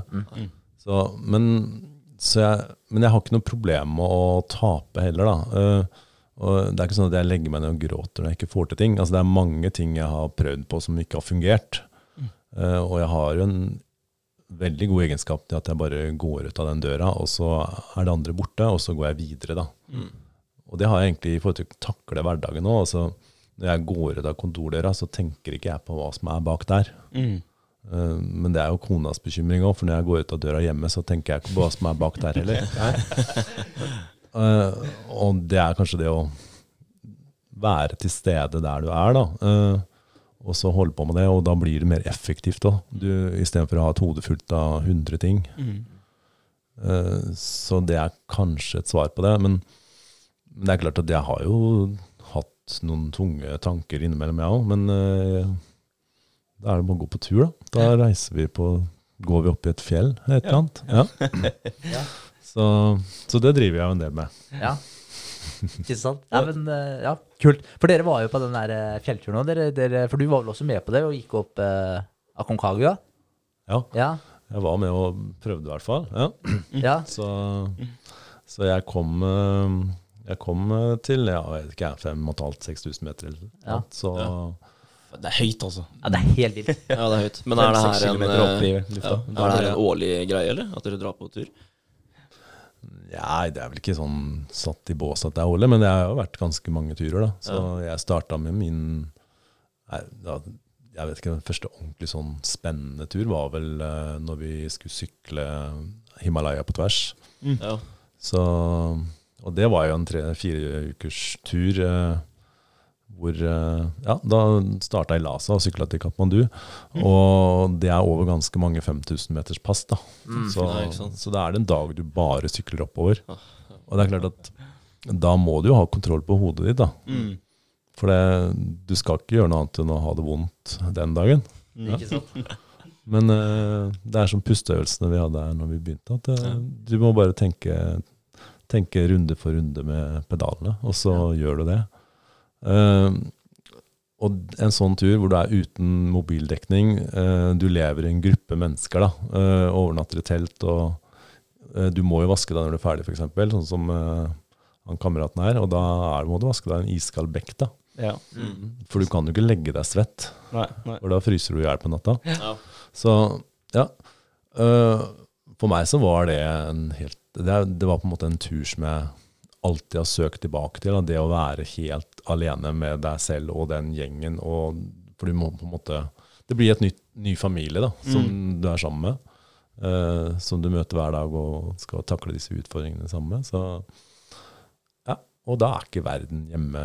Den eksisterer jo ikke. Nei. Nei. Så så når du har vært med på noe sånt, da, uh, hvor du tester deg sjøl selv selvfølgelig, og, og, og får den, den følelsen av å lykkes, eh, samtidig som du er i en sånn boble, det, er, det søker man på en måte tilbake til. Da. Så, så det var eh, kanskje den første turen sånn. Det var før turgutta-tiden. Ja, ja, ikke sant? Ja. Så, så, så, men når det gjaldt Aconcagua, da Det var jo vel den siste turen rett før pandemien. Så da gikk det ikke så bra. Da var det heldigvis, og det har, jeg har jo gått på fjell i Island Peak og, og Kilimanjaro og litt forskjellig, eh, men eh, der var det i, eh, i Sør-Amerika så var det faktisk legekontroll Mm. på basecamp. Eh, og da hadde jeg et blodtrykk som var helt hinsides. Ja. Så heldigvis så ble jeg da fikk jeg beskjed om at du, du får ikke lov til å gå mer. Nei. Så for hodet mitt eh, hadde jo ikke stoppa det. Nei. For jeg, hadde, jeg følte jo ikke det. Jeg skulle bare få det til. Mm. Så, og da hadde jeg nok ikke stått der i dag, hvis ikke den hadde vært der. Ikke sant? Og det er jo selvfølgelig et tankekors. Eh, ja, det er klart. eh, det skjer jo noe med kroppen òg. Ja. Men så da ble jeg faktisk fløyet ned med helikopter. Ja. Uh, og når jeg var ned, og så kunne man jo Ja, og det var ganske sjukt i sånne høyder, da. Mm. For det, det er sånn hvitt helikopter på en måte kommer over fjellet, og så går det bra, liksom. Så Shit. Ja, det er heftig. ja, det var en veldig heftig tur. Eh, og veldig nervepirrende. Ja. Ja. Men så kunne jeg selvfølgelig sitte nede i eh, Nede i på lavlandet da, og så tenke at det var jo veldig synd å ha mislykka på det. Og ha dårlige følelser. Mm. Men jeg har jo ikke det. Jeg, først er jeg glad jeg overlevde. Også. Det var det jo godt og varmt og deilig rødvin. Ja. Ja, ja, det er klart. Så det å kunne sitte helt alene når alle gutta gikk tur, og eh, med en bok på en gaterestaurant i, i Sør-Amerika Fantastisk. ikke sant? Og Bare se på mennesker og, og, og nyte livet aleine med deg selv. Da. Det er faktisk en, det er terapi i seg sjøl. Mm. Så gikk det ikke så lenge før nestemann kom, da, og da gikk vi, reiste vi rundt på ferie i de ukene mens vi venta på de andre. Ja, Hvor lang tid tok en, den bestigningen der, sånn man skulle, hvis man skulle tatt hele turen? For det var 6900 meter eller noe sånt nå? Ja, ja, den er rett i underkant. Det er ikke en 7000, vet du, men det er ikke langt unna. Ja, ikke ja. Vi kaller det en 7000, da. Ja.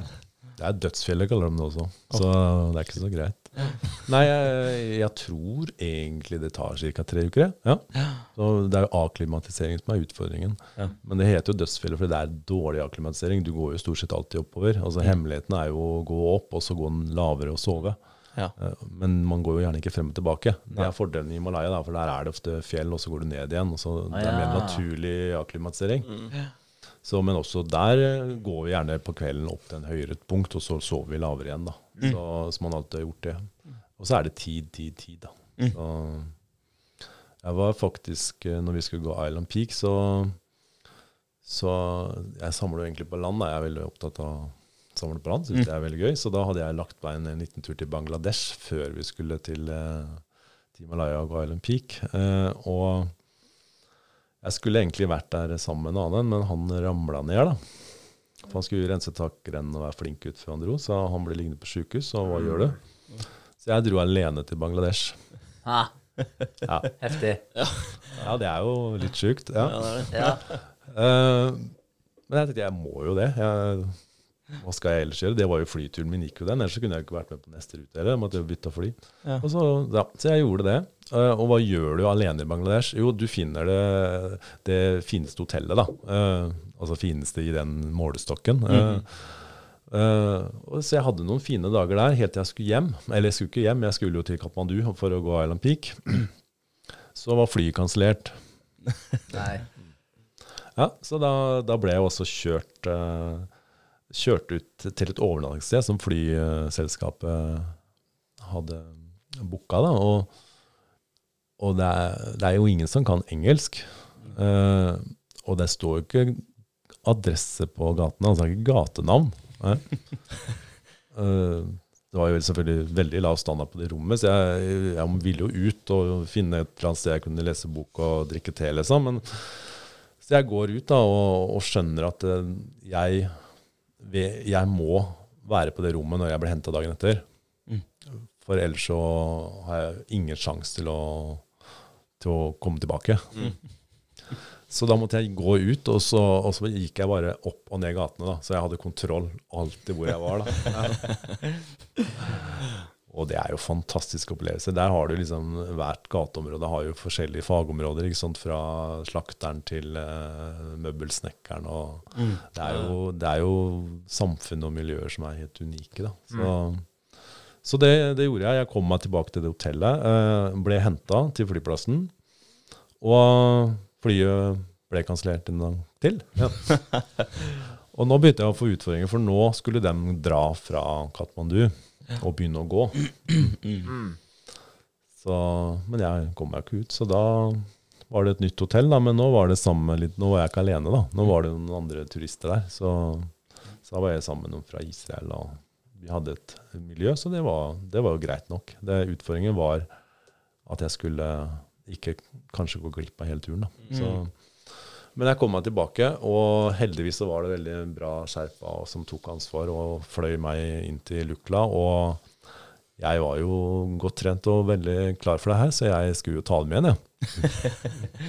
Hadde med en dags forsprang omtrent, eller? Ja. Ja, ikke sant? Et døgns forsprang. Ja, fy fader. Jeg tok det med igjen, da. Jeg gjorde det. Eh, så problemet var bare at eh, det er ikke så lurt å gå for fort i høyden. Nei. Da får du litt høydeutfordringer. Så da kjente jeg også Det var første gang jeg opplevde høydesyke. da. Ja. Hva skjer da? Er det lunger, eller er det Nei, jeg, jeg kjente det på vondt i hodet og Ja. sånt. da. Så da fikk jeg litt løksuppe og roa meg litt ned, og så gikk det heldigvis bra. da. Så, så jeg kom meg til toppen av Island Peak. Ja, for, ja ikke sant? Gratulerer. Gratulerer. Ja, det er det er kjempekult. Ja. Men, uh, men for en sånn høydesyke kan ødelegge en, en hel tur, det, hvis ikke det Ja, ja, det kan ta livet av deg. det. Ja, ikke sant? Ja. Så man må ta vold. Altså, løsningen er jo bare å komme seg lavere. Mm. Mm. Ikke sant? Så Men, men når du da sitter i, i Bangladesh og møter på alle de utfordringene her, da, litt tilbake, for det virker som at du har en uh, veldig god evne til, som du sier også, litt det å være i, i nuet eh, og ikke ha så mye negative tanker. Når du sitter i en sånn situasjon, altså ja, hvordan, hvordan dealer du med det? Er det sånn, sitter du og stresser over at du kanskje ikke når det i tide, og at det er den eh, storyen der som spiller av, eller bare tenker du at det, det som skjer, det skjer? ja. Jeg tror det er det jeg gjør. Og som jeg sa, det, det er nok det der bildet på å gå ut av en dør. Ja. Jeg er der nå. Ja. Uh, og, så da er det å, å, og se hvordan det samfunnet er, og, og nyte det, på en måte. Og, og kjenne på følelsen av å være alene i hele verden sammen med veldig, veldig mange andre. Ja, Mm. som du egentlig ikke har noen relasjon til. Da. Men de fins, de òg. Ja. Ja. Jeg syns man er Ja. veldig flink til å ikke være offer for uh, ting som skjer rundt. Ja, der, eh, offer for omstendighetene. For, for det tror jeg det er mange som kan eh, ta lærdom av, rett og slett. Da. For man går ofte og stresser og tenker over ting i hodet, ofte ting man ikke får gjort noe med. Eh, altså, den, eh, jeg hørte for en, eh, for en tid tilbake, det med måte å dele opp problemene sine i to, og se på den delen av problemet som du kan gjøre noe med, og så planlegge for eh, å faktisk gjøre noe med de tinga som du har muligheten til å Som du har noen som helst kontroll over. Og så ser du på de delene av problemet som du faktisk ikke har noe kontroll over. Og dem, dem er ikke noe vits å stresse over heller, for du har faktisk ikke noen påvirkningskraft på dem. Da. Så fiks det du kan fikse, og så må du bare Ja. på en måte godta det etter det. Og det virker som at du er uh, veldig flink på akkurat det. ja, jeg er nok det. Ja. Så Og det er jo ikke noen annen vei heller, er det det? Nei, nei, det er jo ikke det. Nei. Jeg syns den døra var en veldig fin analogi. At du, du går inn der, det er kvalitet istedenfor kvantitet. Du skal gjøre det du har sagt at du skal gjøre i miljøet du er i, og så ferdig. Lukke døra, nytt rom. Veldig, veldig fin, fint bilde på det.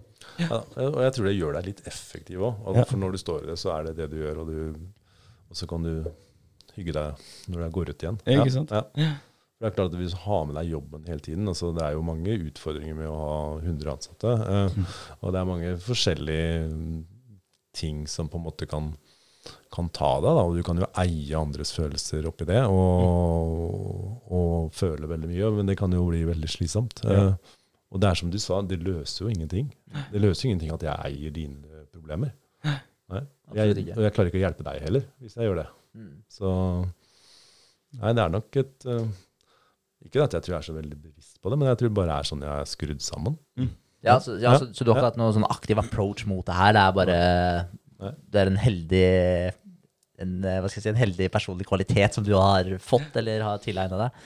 Han har sett ja. løsninger stort sett hele livet. Fra han så gresset begynte å gro, da så han en løsning. Det må klippes.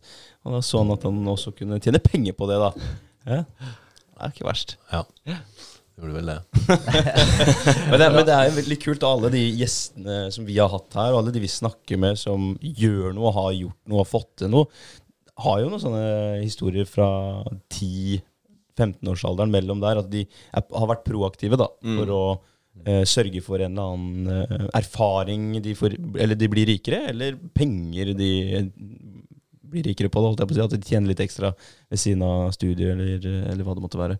Så begynne tidlig med å få, få litt erfaring, få smake litt på, på arbeidsliv og, og bli litt, rett og slett Ja, få litt ansvar, kanskje, tidlig. Det tror jeg er kjempeviktig. Mm. jeg, jeg hadde tre jobber jeg når jeg var, eh, på videregående, altså. Mm. Forstår jeg. Så, og sånn og det å jobbe og det å lære seg arbeidslivet er jo kjempeviktig. Og da lærer du å møte med mennesker, og da lærer du egentlig det viktigste. Da. Ja. Ja. Så ja. Jeg skrev jo Lørdagsposten. Jeg var jo anerkjent eh, lokalavis i Halden. Ja. Da var jeg ikke gamle gutten.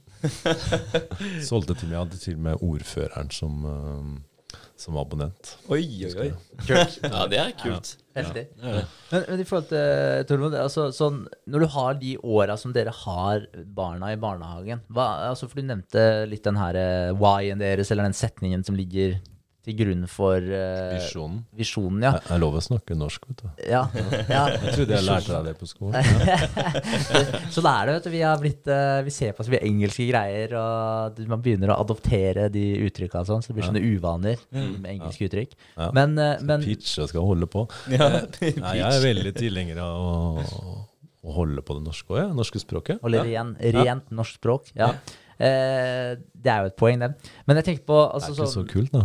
Jeg vet ikke, altså. Det, er, det blir sånn der lingo etter pitch. Uh, du sier jo ikke presentasjon. Den Nei. går igjen overalt, den. Ja. Uansett, i hvert fall i gründermiljøet og på Smart Innovation og sånn. Men skal du få til noe, Henrik, så må Ja. du være deg sjøl. Ja. Ja.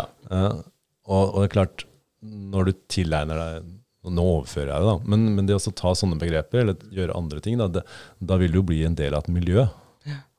Eh, og du får jo ikke til noe hvis du blir lik alle andre. Så jeg tenker at prøv heller også å være deg sjøl, og så finn veien din frem ved ditt indre da, og dine ting. Ja. For at hvis du bare skal se ut som den gjengen og se kul ut på det, så da tror jeg ikke du er, Det er så mange av deg, vet du. Det går ikke. Nei, det er sant. Skiller seg ikke, skiller seg ikke nok ut av. Ikke spesiell Litt, nok. lite tips. Ja. Svømme, svømme litt mot strømmen. Ja. Ja, ja. Uh, men jeg tenker i forhold til eh, eh, kidsa, da, når du Ja, nå sa jeg det igjen, da. Kidsa. Sorry, jeg tror det er for uh, Det er for Hva heter kanskje det? Indoktrinert, Ja. Det er kanskje Ja. blitt en del av det. Ja, ja, jeg tror det. Jeg tror det. Ja. Så, sånn er det.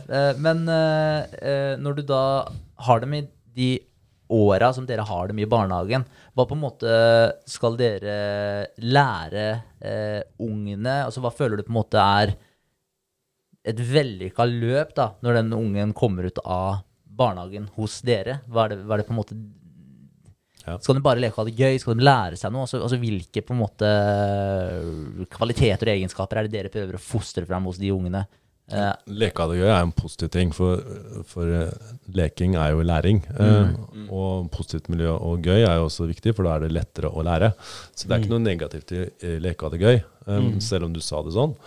Eh, Jeg mener Men- overhodet ikke at det er det. Bare så det, bare så det er for, for å korrigere den. Fordi det er som du sier, leking er læring. Og det er jo noe av det viktigste man gjør Ja, når man er ung. absolutt. Ja, ja, 100 Men målet eh, For det første så er målet styrt. Det er jo en del skal-ting som alle barn skal gjennom. Altså, akkurat som en læreplan i skolen, så har vi et uh, læreplan for barnehagen som, som vi må følge. da. Hvem er det som styrer denne? Den læreplanen? Ja, den er jo vedtatt av departementet, ja, Ok. av politikerne. Ja.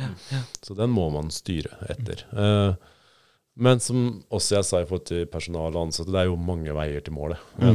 Så hvordan vi har klart alle skallene i, i rammeplan um, For det første så kan ingen se det, da, men får jo håpe at Mitt mål, da, det, det er jo for det første at du skal på en måte bli til en viss grad selvstendig og bygge individet deg. da, eh, Og bli trygg på deg sjøl og få en viss selvtillit. eh, Og kunne møte folk uten å måtte gjemme seg bort i en krok. At du kan face, liksom. eh.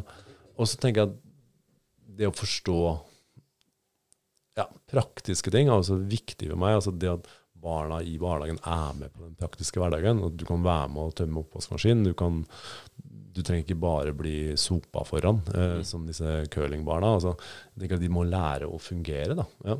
For Målet til slutt er jo det, er jo det livet handler om, at vi skal bli selvstendige og kunne leve for oss sjøl. Eh, men det viktigste i den seksårsperioden, da, det må jo være å bli trygg nok på seg sjøl til å kunne fungere i en klasse videre, sånn så du kan tilegne deg mer kunnskap på veien. Da. Mm. Så sosialisering er jo da, i den, den grad det aller viktigste. Da. Mm. Men, og da må du være trygg på deg sjøl og bygge selvtillit. Mm. Absolutt. Ja. Ja.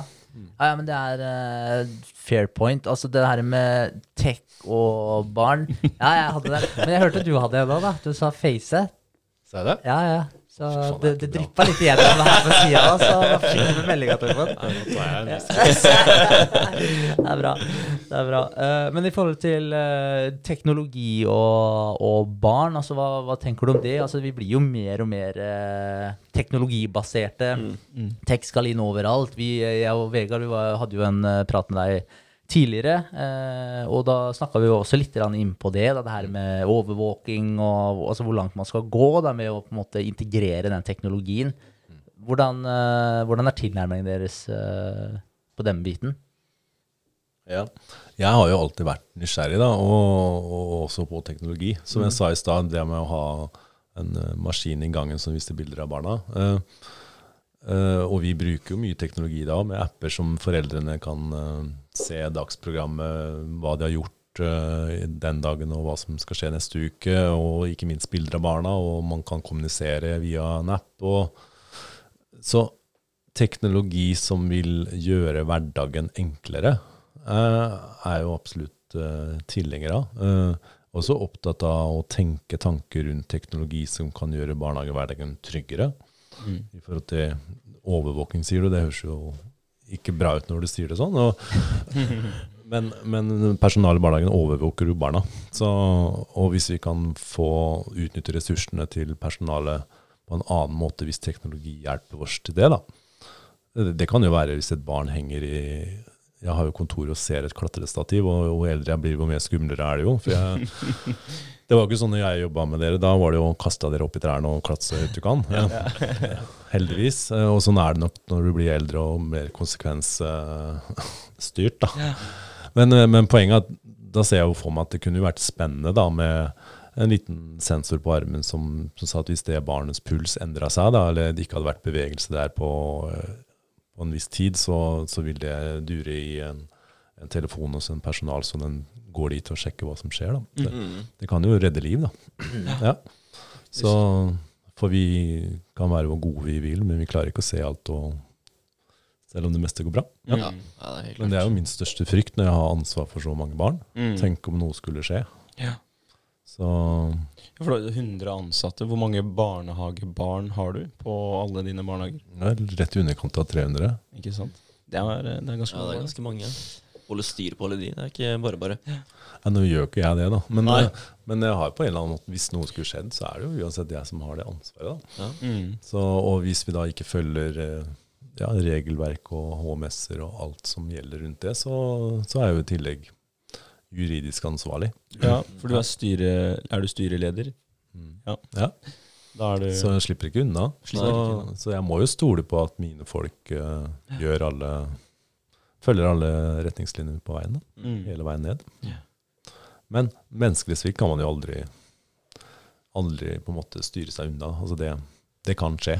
Ja, Og det er derfor det heter menneskelig. Eller derfor vi er menneskelige. Ja. Ja, er. Så hvis teknologi kan på en måte ja, hjelpe det litt, så er jeg absolutt positiv til det. Mm. Jeg er også positiv til teknologi i læring eh, for barn. Eh, jeg er ikke positiv til at man skal sitte og se på film i barnehagen fordi at det regner ut om man ikke gidder å ta på regndrakten til barna. Ja? Mm. Hvis det på en måte er bare et sånn Ja, hvis det er en unnskyldning, da. Mm. For det kan de gjøre hjemme. Ja. Ikke sant?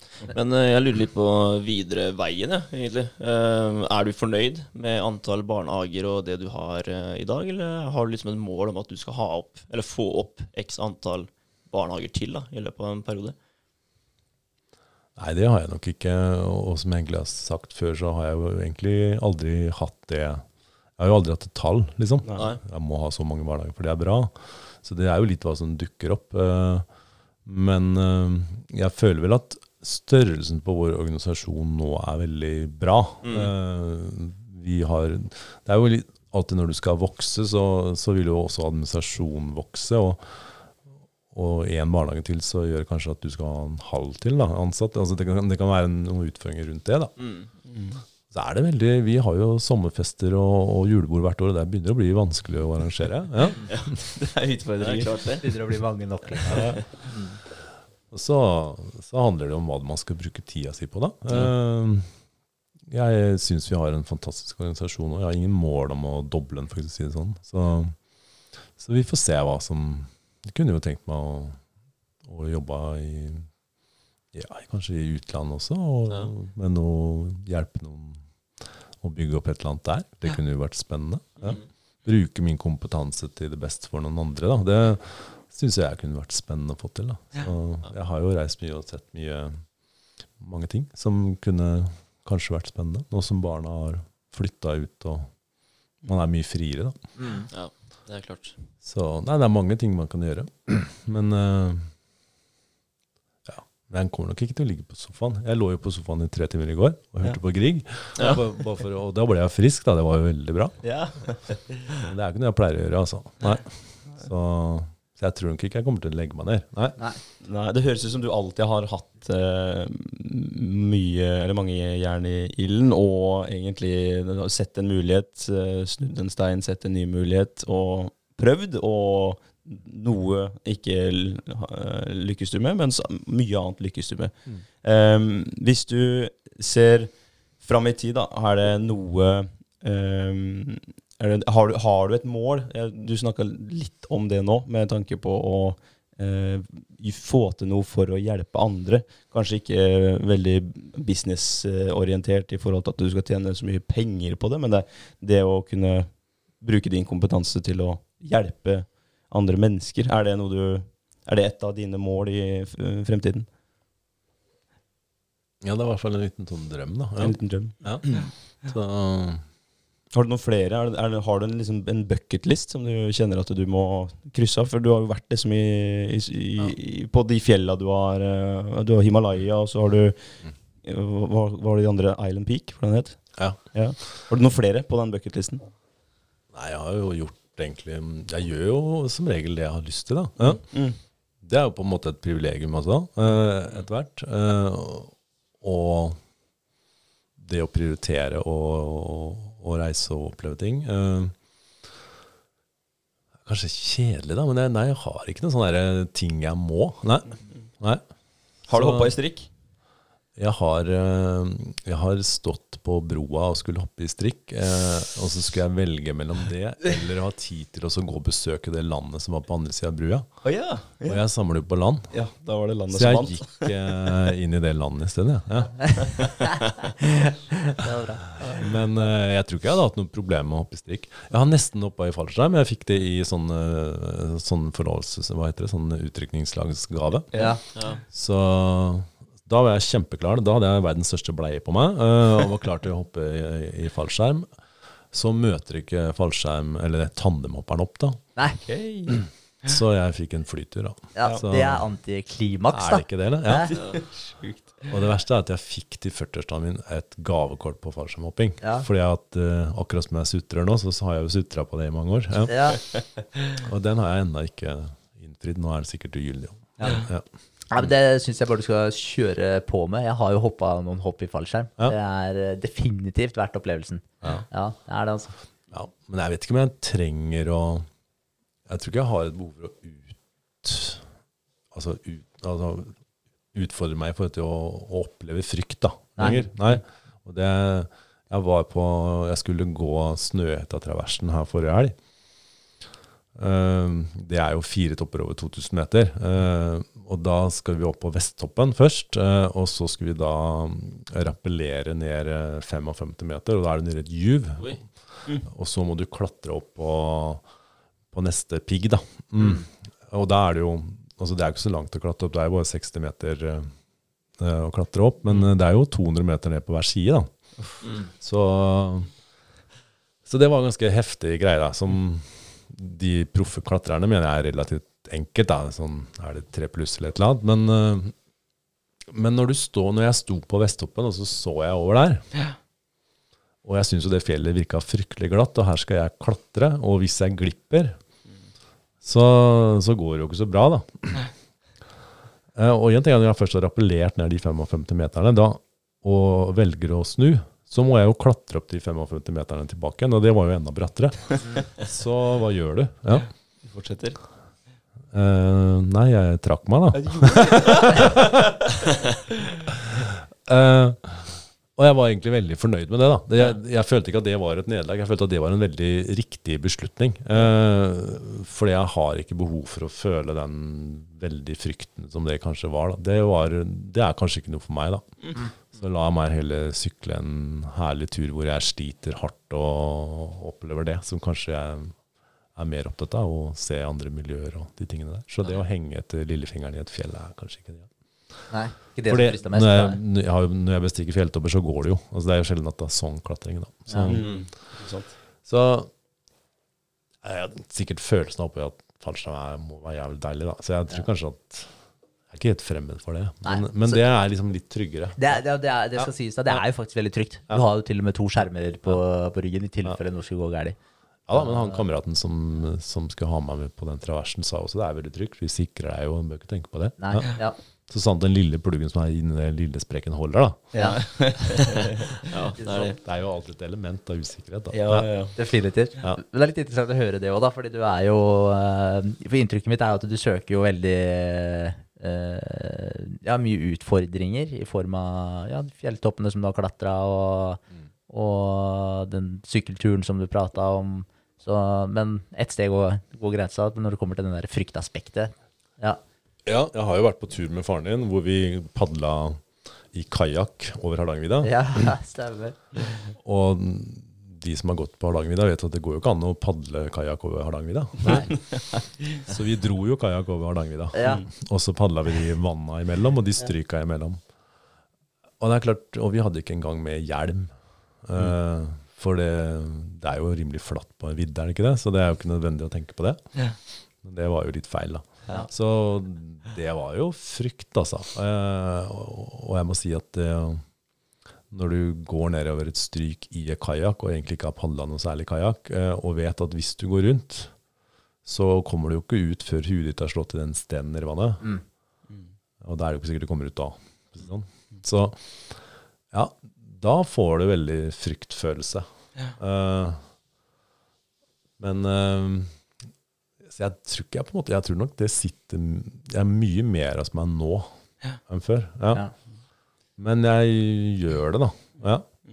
Så vi sykla, eller padla jo Karasjokka i fjor. Uh, det er jo en sånn der Monsen-film på den. Uh, og det er jo helt i ødemarka. Det er uten telefondekning. Altså der uh, går det gærent der, da, så, så er det jo slutt, da. Mm. Men går det bra, så er det jo en fantastisk opplevelse. Ja. ja, det er risk versus Ja. reward. Det er litt sånn det er. Ja.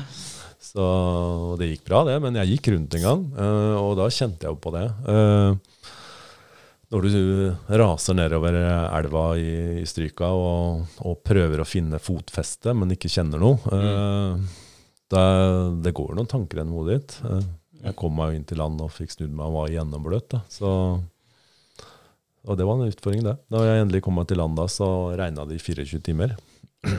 Så fy faen. ikke akkurat tørka seg. Nei. Det var en kald opplevelse. De her, alle disse utfordringene må jo gjøre deg ganske mye tryggere på deg sjøl i, i form av møte på utfordringer i hverdagen generelt også. Um, kan du ta litt om utfordringene privat versus kommunalt? Altså den um, forskjellen der og utfordringene rundt, uh, rundt det?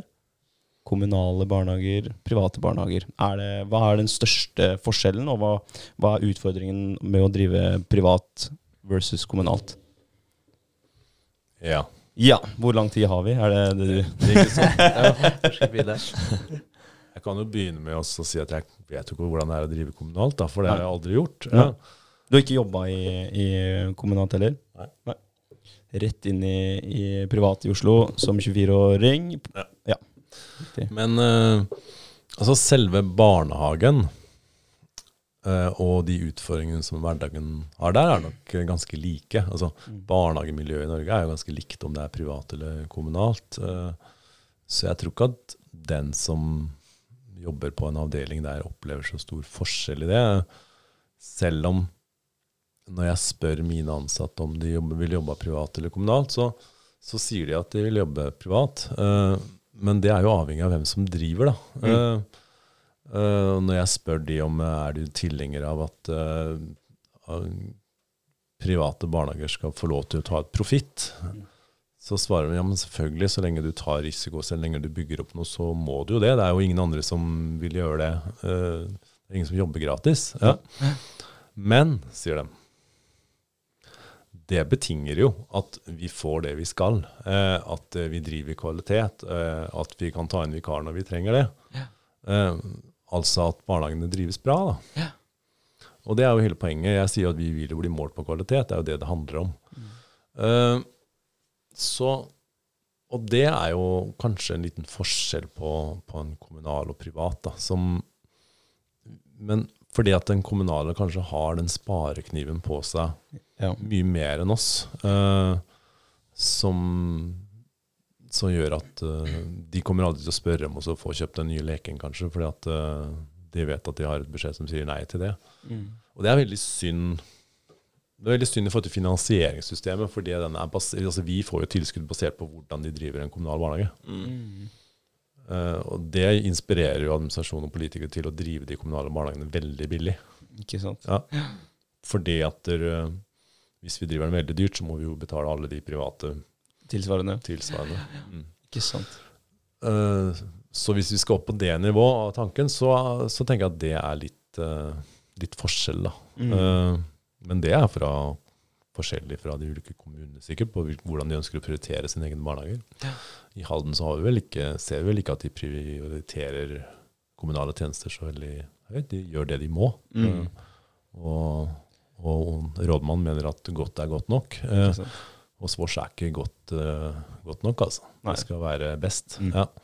Eh, så det er nok en forskjell. Og så tror jeg kanskje at beslutningsveien mellom hvert fall meg som eier og de enkelte er mye nærmere. da. Mm.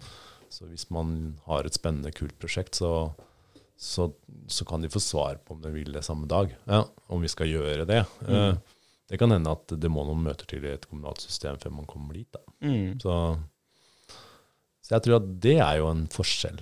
Og så tror jeg det er en forskjell å ha en aktiv eier da, som på en måte har et mer personlig forhold til ting. Eh, Det er jo ikke sånn at eh, hvis jeg ser ting ikke er bra, hvis jeg ser det ligger et søppel på bakken der, så tar jo jeg det opp. Eh, Mm. Og jeg går jo runder og besøker det. Jeg tror det er Jeg tror ikke administrasjonen i Halden flyr så mye rundt på barnehagene i hverdagen. Uh, og da får, jo, da får jo jeg et godt forhold til de som jobber der, og de får et godt forhold til meg. og et slags Det blir et slags fellesskap da, som Mm. jeg tror er mye mer personlig og nært, som gjør at også de tar vare på og hensyn til og tenker på, Mm. som man kanskje i et kommunalt system ikke eier. da. Det er jo egentlig ingen som ser meg, så det betyr kanskje ikke så mye hva jeg gjør. Ja.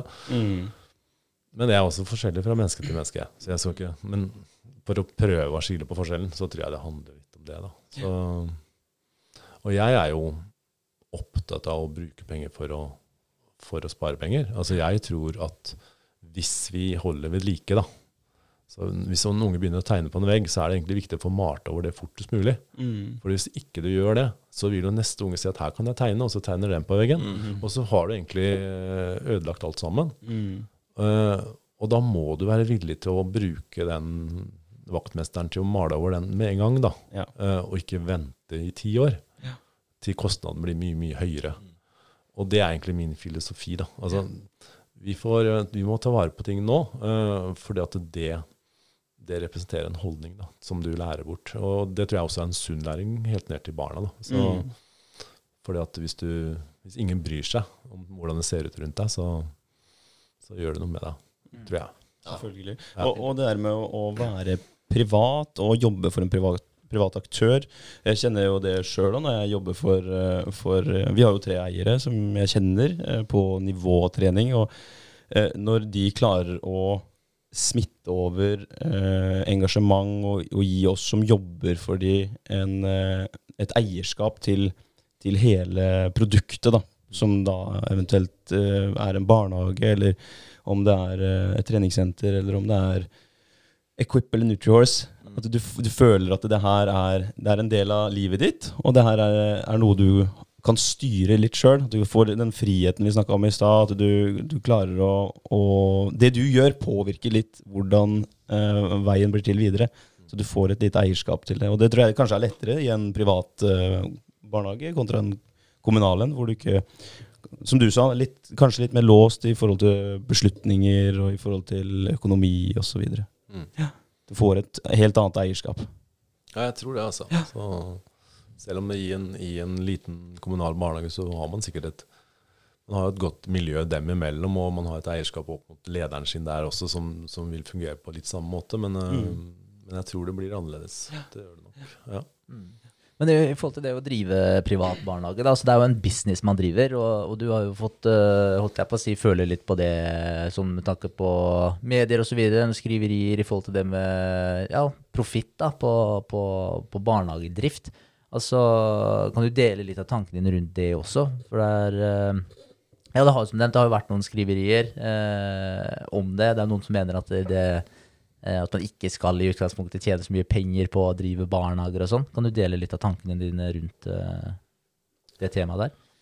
Ja, jeg sa kanskje litt om det, men eh, nei, jeg vet ikke hva jeg skal jeg, Det er jo en politisk holdning i forhold til barnehager, da, og det er en, den vinden eh, fra Høyre, den har jo snudd, for å si det sånn. Så, eh, så det ser vi jo både lokalt og nasjonalt. eh, eh, men om det er et flertall for det, kan man jo lure på, da. Men det er jo kanskje fordi at uh, venstresida er blitt ganske tydelig nå og får lov til å stille noen krav, da. Eh, og det må jo De har jo alltid ment at uh, privatisering er en uting. Uh, og privat uh, helse altså Ideelt sett skulle jo kommune og stat drive alt. eh. nå tror jo ikke jeg på at det fungerer, da. Altså jeg tror at eh, den motivasjonen som jeg finner i meg sjøl, ja, den kan være for å prestere, men, men den, kan få, den kan ikke være der du, du klarer ikke å prestere hvis ikke du får noe igjen for det. da. Eh, og du tar jo ikke risiko hvis ikke du på en måte har sikra deg på et vis. Eh, eh, og at du ser at det er på en måte ett Det kan gå bra. Altså Hvorfor skulle jeg pantsette huset mitt og kjøpe dette og bygge og håpe at jeg får det til, hvis jeg ikke hadde fått dekka noen ting hvis jeg fikk det til? Eh, altså, Mm. det, den motivasjonen må du ha, ellers så tar du ikke risiko. Og hvis du da ikke gjør det, så vil det altså ikke skje en utvikling. Altså det vil jo ikke skje noe. Eh, så jeg tror ikke at det går an å ha privat virksomhet uten at man også har profitt. Og så kommer diskusjonen om hvilke områder skal det private næringsliv kunne tjene penger på. Eh, og argumentet viktigste her må jo være at nei, det, så lenge du jobber med omsorg og, og, ja, og helse, da, så er det ikke greit. Eh, men hvis du bygger eh, et skolebygg og er en, eh, en byggmester, så kan du godt tjene penger på den bygginga selv om det offentlige betaler for det. Mm. Da er det greit. Mm. men hvis du, hvis du driver selve bygget så, og virksomheten der, så er det ikke greit. Eh, jeg har veldig store problemer med å se forskjellen på det. Mm. Eh, og vi har jo en stor diskusjon nå i forhold til eh, hva skal vi gjøre med fastlegene. Men det er jo ingen som diskuterer om fastlegene skal få tilskudd, og at de skal få lov til å De driver jo helse. Ja. Mm. Mm. Så det er jo og det er så mange sånne ting i samfunnet som til syvende og sist så er det skattepenger som betaler det på et vis. da. Mm. Så jeg mener at eh, Jeg tror det er veldig bra for et samfunn at vi eh, driver privat. Jeg tror at de tjenestene gir oss et mangfold. eh, og jeg tror at det i tillegg blir en sunn konkurranse mellom kommunale og private systemer som gjør at vi får mye bedre tjenester totalt sett. Eller en kvalitetshevning av Ja. alle produktene, egentlig. Og når det går til barnehager, som sagt, vi får jo tilskudd basert på hva det koster å drive en kommunal barnehage. Ja. Og det betyr hvis vi i tillegg klarer å drive god kvalitet, Mm. og vi sitter igjen med litt på bunnlinja, så har jo vi utnytta de skattepengene bedre. Mm. For det overskuddet der, eh, det vil jo i tillegg gå tilbake til samfunnet i form av skatt. Mm. Og det vil jo skape mer arbeidsplasser på hva eier bruker de penga til i Mm. neste runde. Og i tillegg så kan man da investere i ny virksomhet som skaper flere arbeidsplasser. Mens de kommunale pengene til den barnehagen som var utgangspunkt for det, de har jo brukt opp de penga. Mm. Mm. Ikke sant.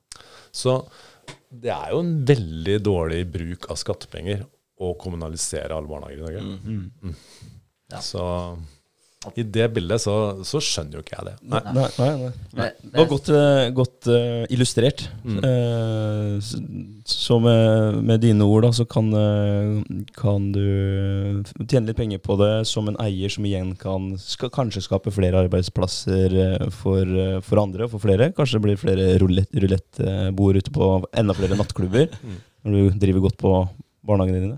Kanskje. Jeg tror kanskje jeg er ferdig med nattklubber, da, men eh, Mye annet spennende man kan drive med, da. ja, ja, men du ser jo det. altså Fra Solbakken til, eh, til nå sist uh, Alfheim, da, så har jeg jo på en måte brukt penga tilbake til uh, det det handler om. Så det er jo ikke sånn at, at alt vi tjener blir bare kjøpt yachter av.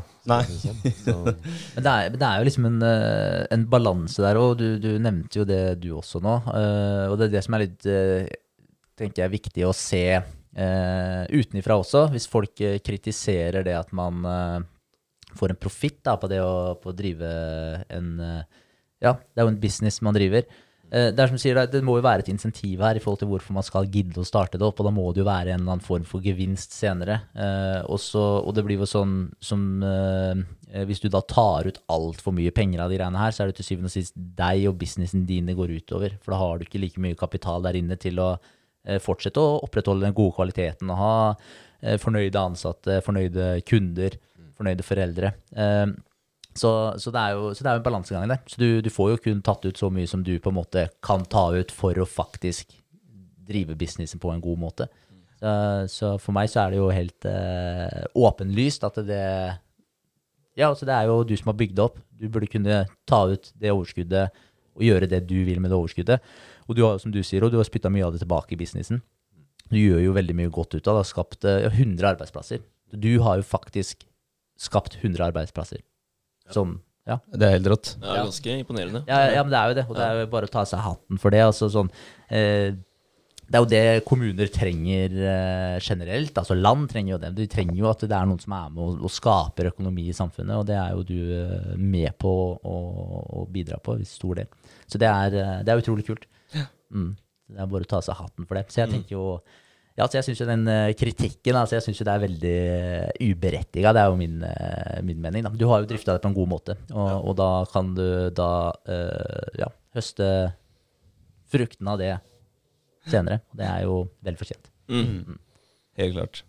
Takk skal dere ha. Ja, ja. men det mener jeg. Så, utrolig kult. Eh, Vi får bra. bare respektere Ja. at folk mener forskjellige ting, og Ja. sånn er det bare. Ja, Ja, men så er det viktig, å, er viktig å kunne snakke åpent om det og, og dele tanker rundt det. Og, og kanskje folk skjønner det litt bedre når man eh, får det i et eh, sånn langt format som her, da, hvor man kan dele mer enn bare eh, høydepunktene. Ja, ja. Hvis ingen snakker om det, så skjer det heller ikke noe. Det er helt riktig. Det er Nei, og det er jo derfor er, det er de beste politikerne som klarer å spissformulere. Det er jo de som vinner. Mm. Mm.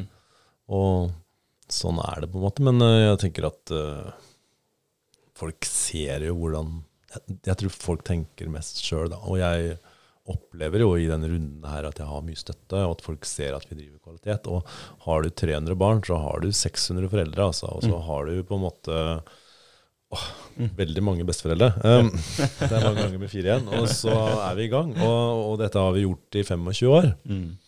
Så jeg tror at stor del av haldenseren uh, har på et eller annet plan, altså på et eller annet plan har alle en eller annen relasjon til eh, noen av våre barnehager, da, Ja. som gjør eh, at de vet at vi driver godt. da. Mm. Så, og hvis ikke vi hadde drevet godt, og hvis mine ansatte ikke hadde hatt det bra, og hvis dere hadde blitt mislykka barn fordi dere gikk hos vårs fordi dere ikke fikk det dere skulle ha, ja, da hadde ikke jeg holdt på med det her. Altså, Nei. motivasjonen min er jo ikke profitten. Motivasjonen min er jo å skape ja, Mm. og få det til. Eh, og jeg griner jo nesten når jeg møter alle mine ansatte på et julebord og ser hvor mange mennesker det er. Mm. Uh, for du skjønner det ikke i hverdagen. Nei, det Ja. kan jeg tenke meg. Så, så det er jo også stort for meg, da. Ja. Så, Da har du eh, da har du egentlig fasiten der. Men egentlig. ja, Mm, det er absolutt. belønningen, det. Ja, Mm. det er bra. I forhold til de neste fem åra, da. Så jeg, jeg blir litt overraska over at du ikke liksom hadde helt klar og tydelig altså, Det kan jo hende du har noe bak i kulissene som du eh, kanskje ikke vil uh, si altfor mye om. Kan jo tenkes. Men uh, de neste fem åra, hvor er du om fem år?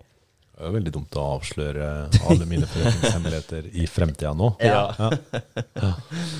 Nei, altså om fem år så satser jeg at jeg, på at jeg er der jeg er nå. eh, og at vi har eh, enda bedre barnehager. Og så håper jeg at eh, vi på nasjonalt og lokalt nivå respekterer at private barnehager er en fin ting, da. Eh, og at på en måte vi klarer å snu det. At, eh, at man klarer å måle på kvalitet. Eh, fordi at eh, i forhold til det vi snakker om, så er det jo klart at det å bli sparka hele tida, det, det, er jo, det er den døra vi snakker om. Det kan jo bli tung å gå ut noen ganger. Så det må på en måte For at man skal ha motivasjon da, til å gå videre, så må det skje et eller annet der, tenker jeg. Så, for jeg gidder jo ikke å holde på med ting hvis, det, hvis du bare blir sparka. Da må det skje noe. Så det håper jeg egentlig at øh, når regjeringa er ferdig med sitt utvalg på, på å se om hva skal vi gjøre, at de tar en beslutning. Og hvis de bestemmer seg for at private barnehager skal vi ha, så, så lager vi regler rundt det, og som, vi, som er tydelige og klare, som vi kan forholde oss til og drifte etter. Uten at vi er i tvil om vi gjør feil eller rett, eller om det er ulovlig eller ikke ulovlig. For nå er det veldig diffuse ting. Mm. når en, en byråkrat kan sitte og bestemme hva som er eh, rett husleie hos meg, f.eks. Altså, for meg så er det, eller hvilken lønn jeg skal ha. Ja. Da må man heller si det på forhånd, så man vet hva man skal forholde seg til. Altså, kan ikke, man kan ikke fortsette å leve i en sånn usikker hverdag som er uklar. Eh, det håper jeg skjer i løpet av de neste fem åra. For hvis det skjer, så skal jeg være med å, å forme barnehageverden i, i Norge. Og det kunne jeg godt glede meg til. Men hvis man hele tiden skal bli sett eh, negativt på og egentlig ikke være ønska som en eh, aktør, da gidder jo ikke jeg bruke tida på det. Da vil jeg heller gjøre det på noe som er morsomt og spennende, som blir satt pris på. Ja. Mm. For jeg trenger jo ikke å fortsette, jeg. Jeg er jo 50 år snart. Ja. Da skal det jo være lystbetont òg. Ja, Ja, sant. Ja, ja, absolutt. Men det er, eh, det er jo godt sagt, det. Og da får vi håpe at det rammeverket der kommer på plass på en, eh, på en god og ikke minst fornuftig måte. Ja. Jeg tenker jo Ja, det er jo mitt syn på det, som vi, jeg tror vi alle fire rundt her deler. Da. Altså, Det er jo det her med å at ja, ha de insentivene til å faktisk skape noe. Det er jo det som skaper verdi for oss. Er enten om det er barnehager eller om det er andre områder det er på, så er det jo det er viktig å ha de, de pådriverne der. Og hvis du tenker hvor mange timer som du har lagt ned i å bygge opp den businessen her også, og det er jo ikke timer som du har tatt times betalt for, og der ligger jo enormt mye arbeid eh, bak det her, da. Og, og det er sånn når du, ja, du holdt på i 26 år da, med, med barnehagedrift. Da tenker jeg jo, ja, når det kommer noe profitt i enden der, så er jo det vel fortjent. Så, så ja, så jeg syns det er litt uh, synd da, at, det, at det blir så mye negativitet uh, rundt uh, sånne ting også. Så, folk ser som regel ikke, ikke alt den si, blod, svette, tårene langs veien der. De ser, ser bare sluttresultatet. og så er det helheten. Fy-fy. Ja. Ja. Nei, det er jo litt sånn som når du går til uh, tannlegen og betaler en tusenlapp for 15 minutter òg. Du blir jo kjempeirritert og grinete, og så glemmer man at det, det, er- det ligger ganske mange timer bak uh, utdannelsen, og det er, det er mye som skal betales, da. Masse Så- dyrt utstyr, Ja. leiekost. Altså, det er så mye som er bakt inn i det. Ja. Da. Så det er viktig å prøve å se litt helheten. Så bra. Bra. Eh, tida går som vanlig veldig fort. Ja. Eh, vi er eh, på N45. Skal vi runde av med Runde ja. eh, noen tips fra Tormod? Det, vi, har, vi har jo tatt eh, et par allerede. Det her med døra. Åpne en dør og lukke en dør. Eh, har du et par andre som du kan avslutte med? Helt til slutt. Som er veldig smarte. Ja. Som er bare sånn Ja, det, det hjelper deg i hverdagen. Ja. Nei, En ting var selvfølgelig å, å lukke døra og ikke ta med deg alt videre til neste rom. Det er viktig. Men uh, også det å si positive ting om deg sjøl. til deg selv. Uh, så du får bygge deg opp. Men kanskje det viktigste tenker jeg er at, eh, å ha respekt for andre mennesker. eh, og, og hjelpe andre mennesker til å bli bra. For hvis du har bra folk rundt deg, så blir du bra sjøl også. Eh, og vi lever i et samfunn sammen, alle sammen. Og da må vi på en måte ta vare på hverandre. Så det tror jeg kanskje er det aller viktigste. Ja. Mm. Veldig bra. Veldig bra. Fin avslutning. Ja. Gode tips. Suverent. Tusen Bra. takk for i dag. Du har vært en eh, bra dypt vann-gjest. Du har vært på dypt vann ganske mange ganger sjøl, eller vært oppe på høyt eh, platå til og med også. Ja. veldig takknemlig for tiden din, eh, og takk for tiden eh, deres, gutter. Yes. Det var veldig hyggelig, Tormod. Ja, Takk for at du tok turen. det. Var veldig hyggelig å bli invitert. Ja, det er godt å høre. Så bra. Ja, bra. Takk for i dag. Takk for i dag.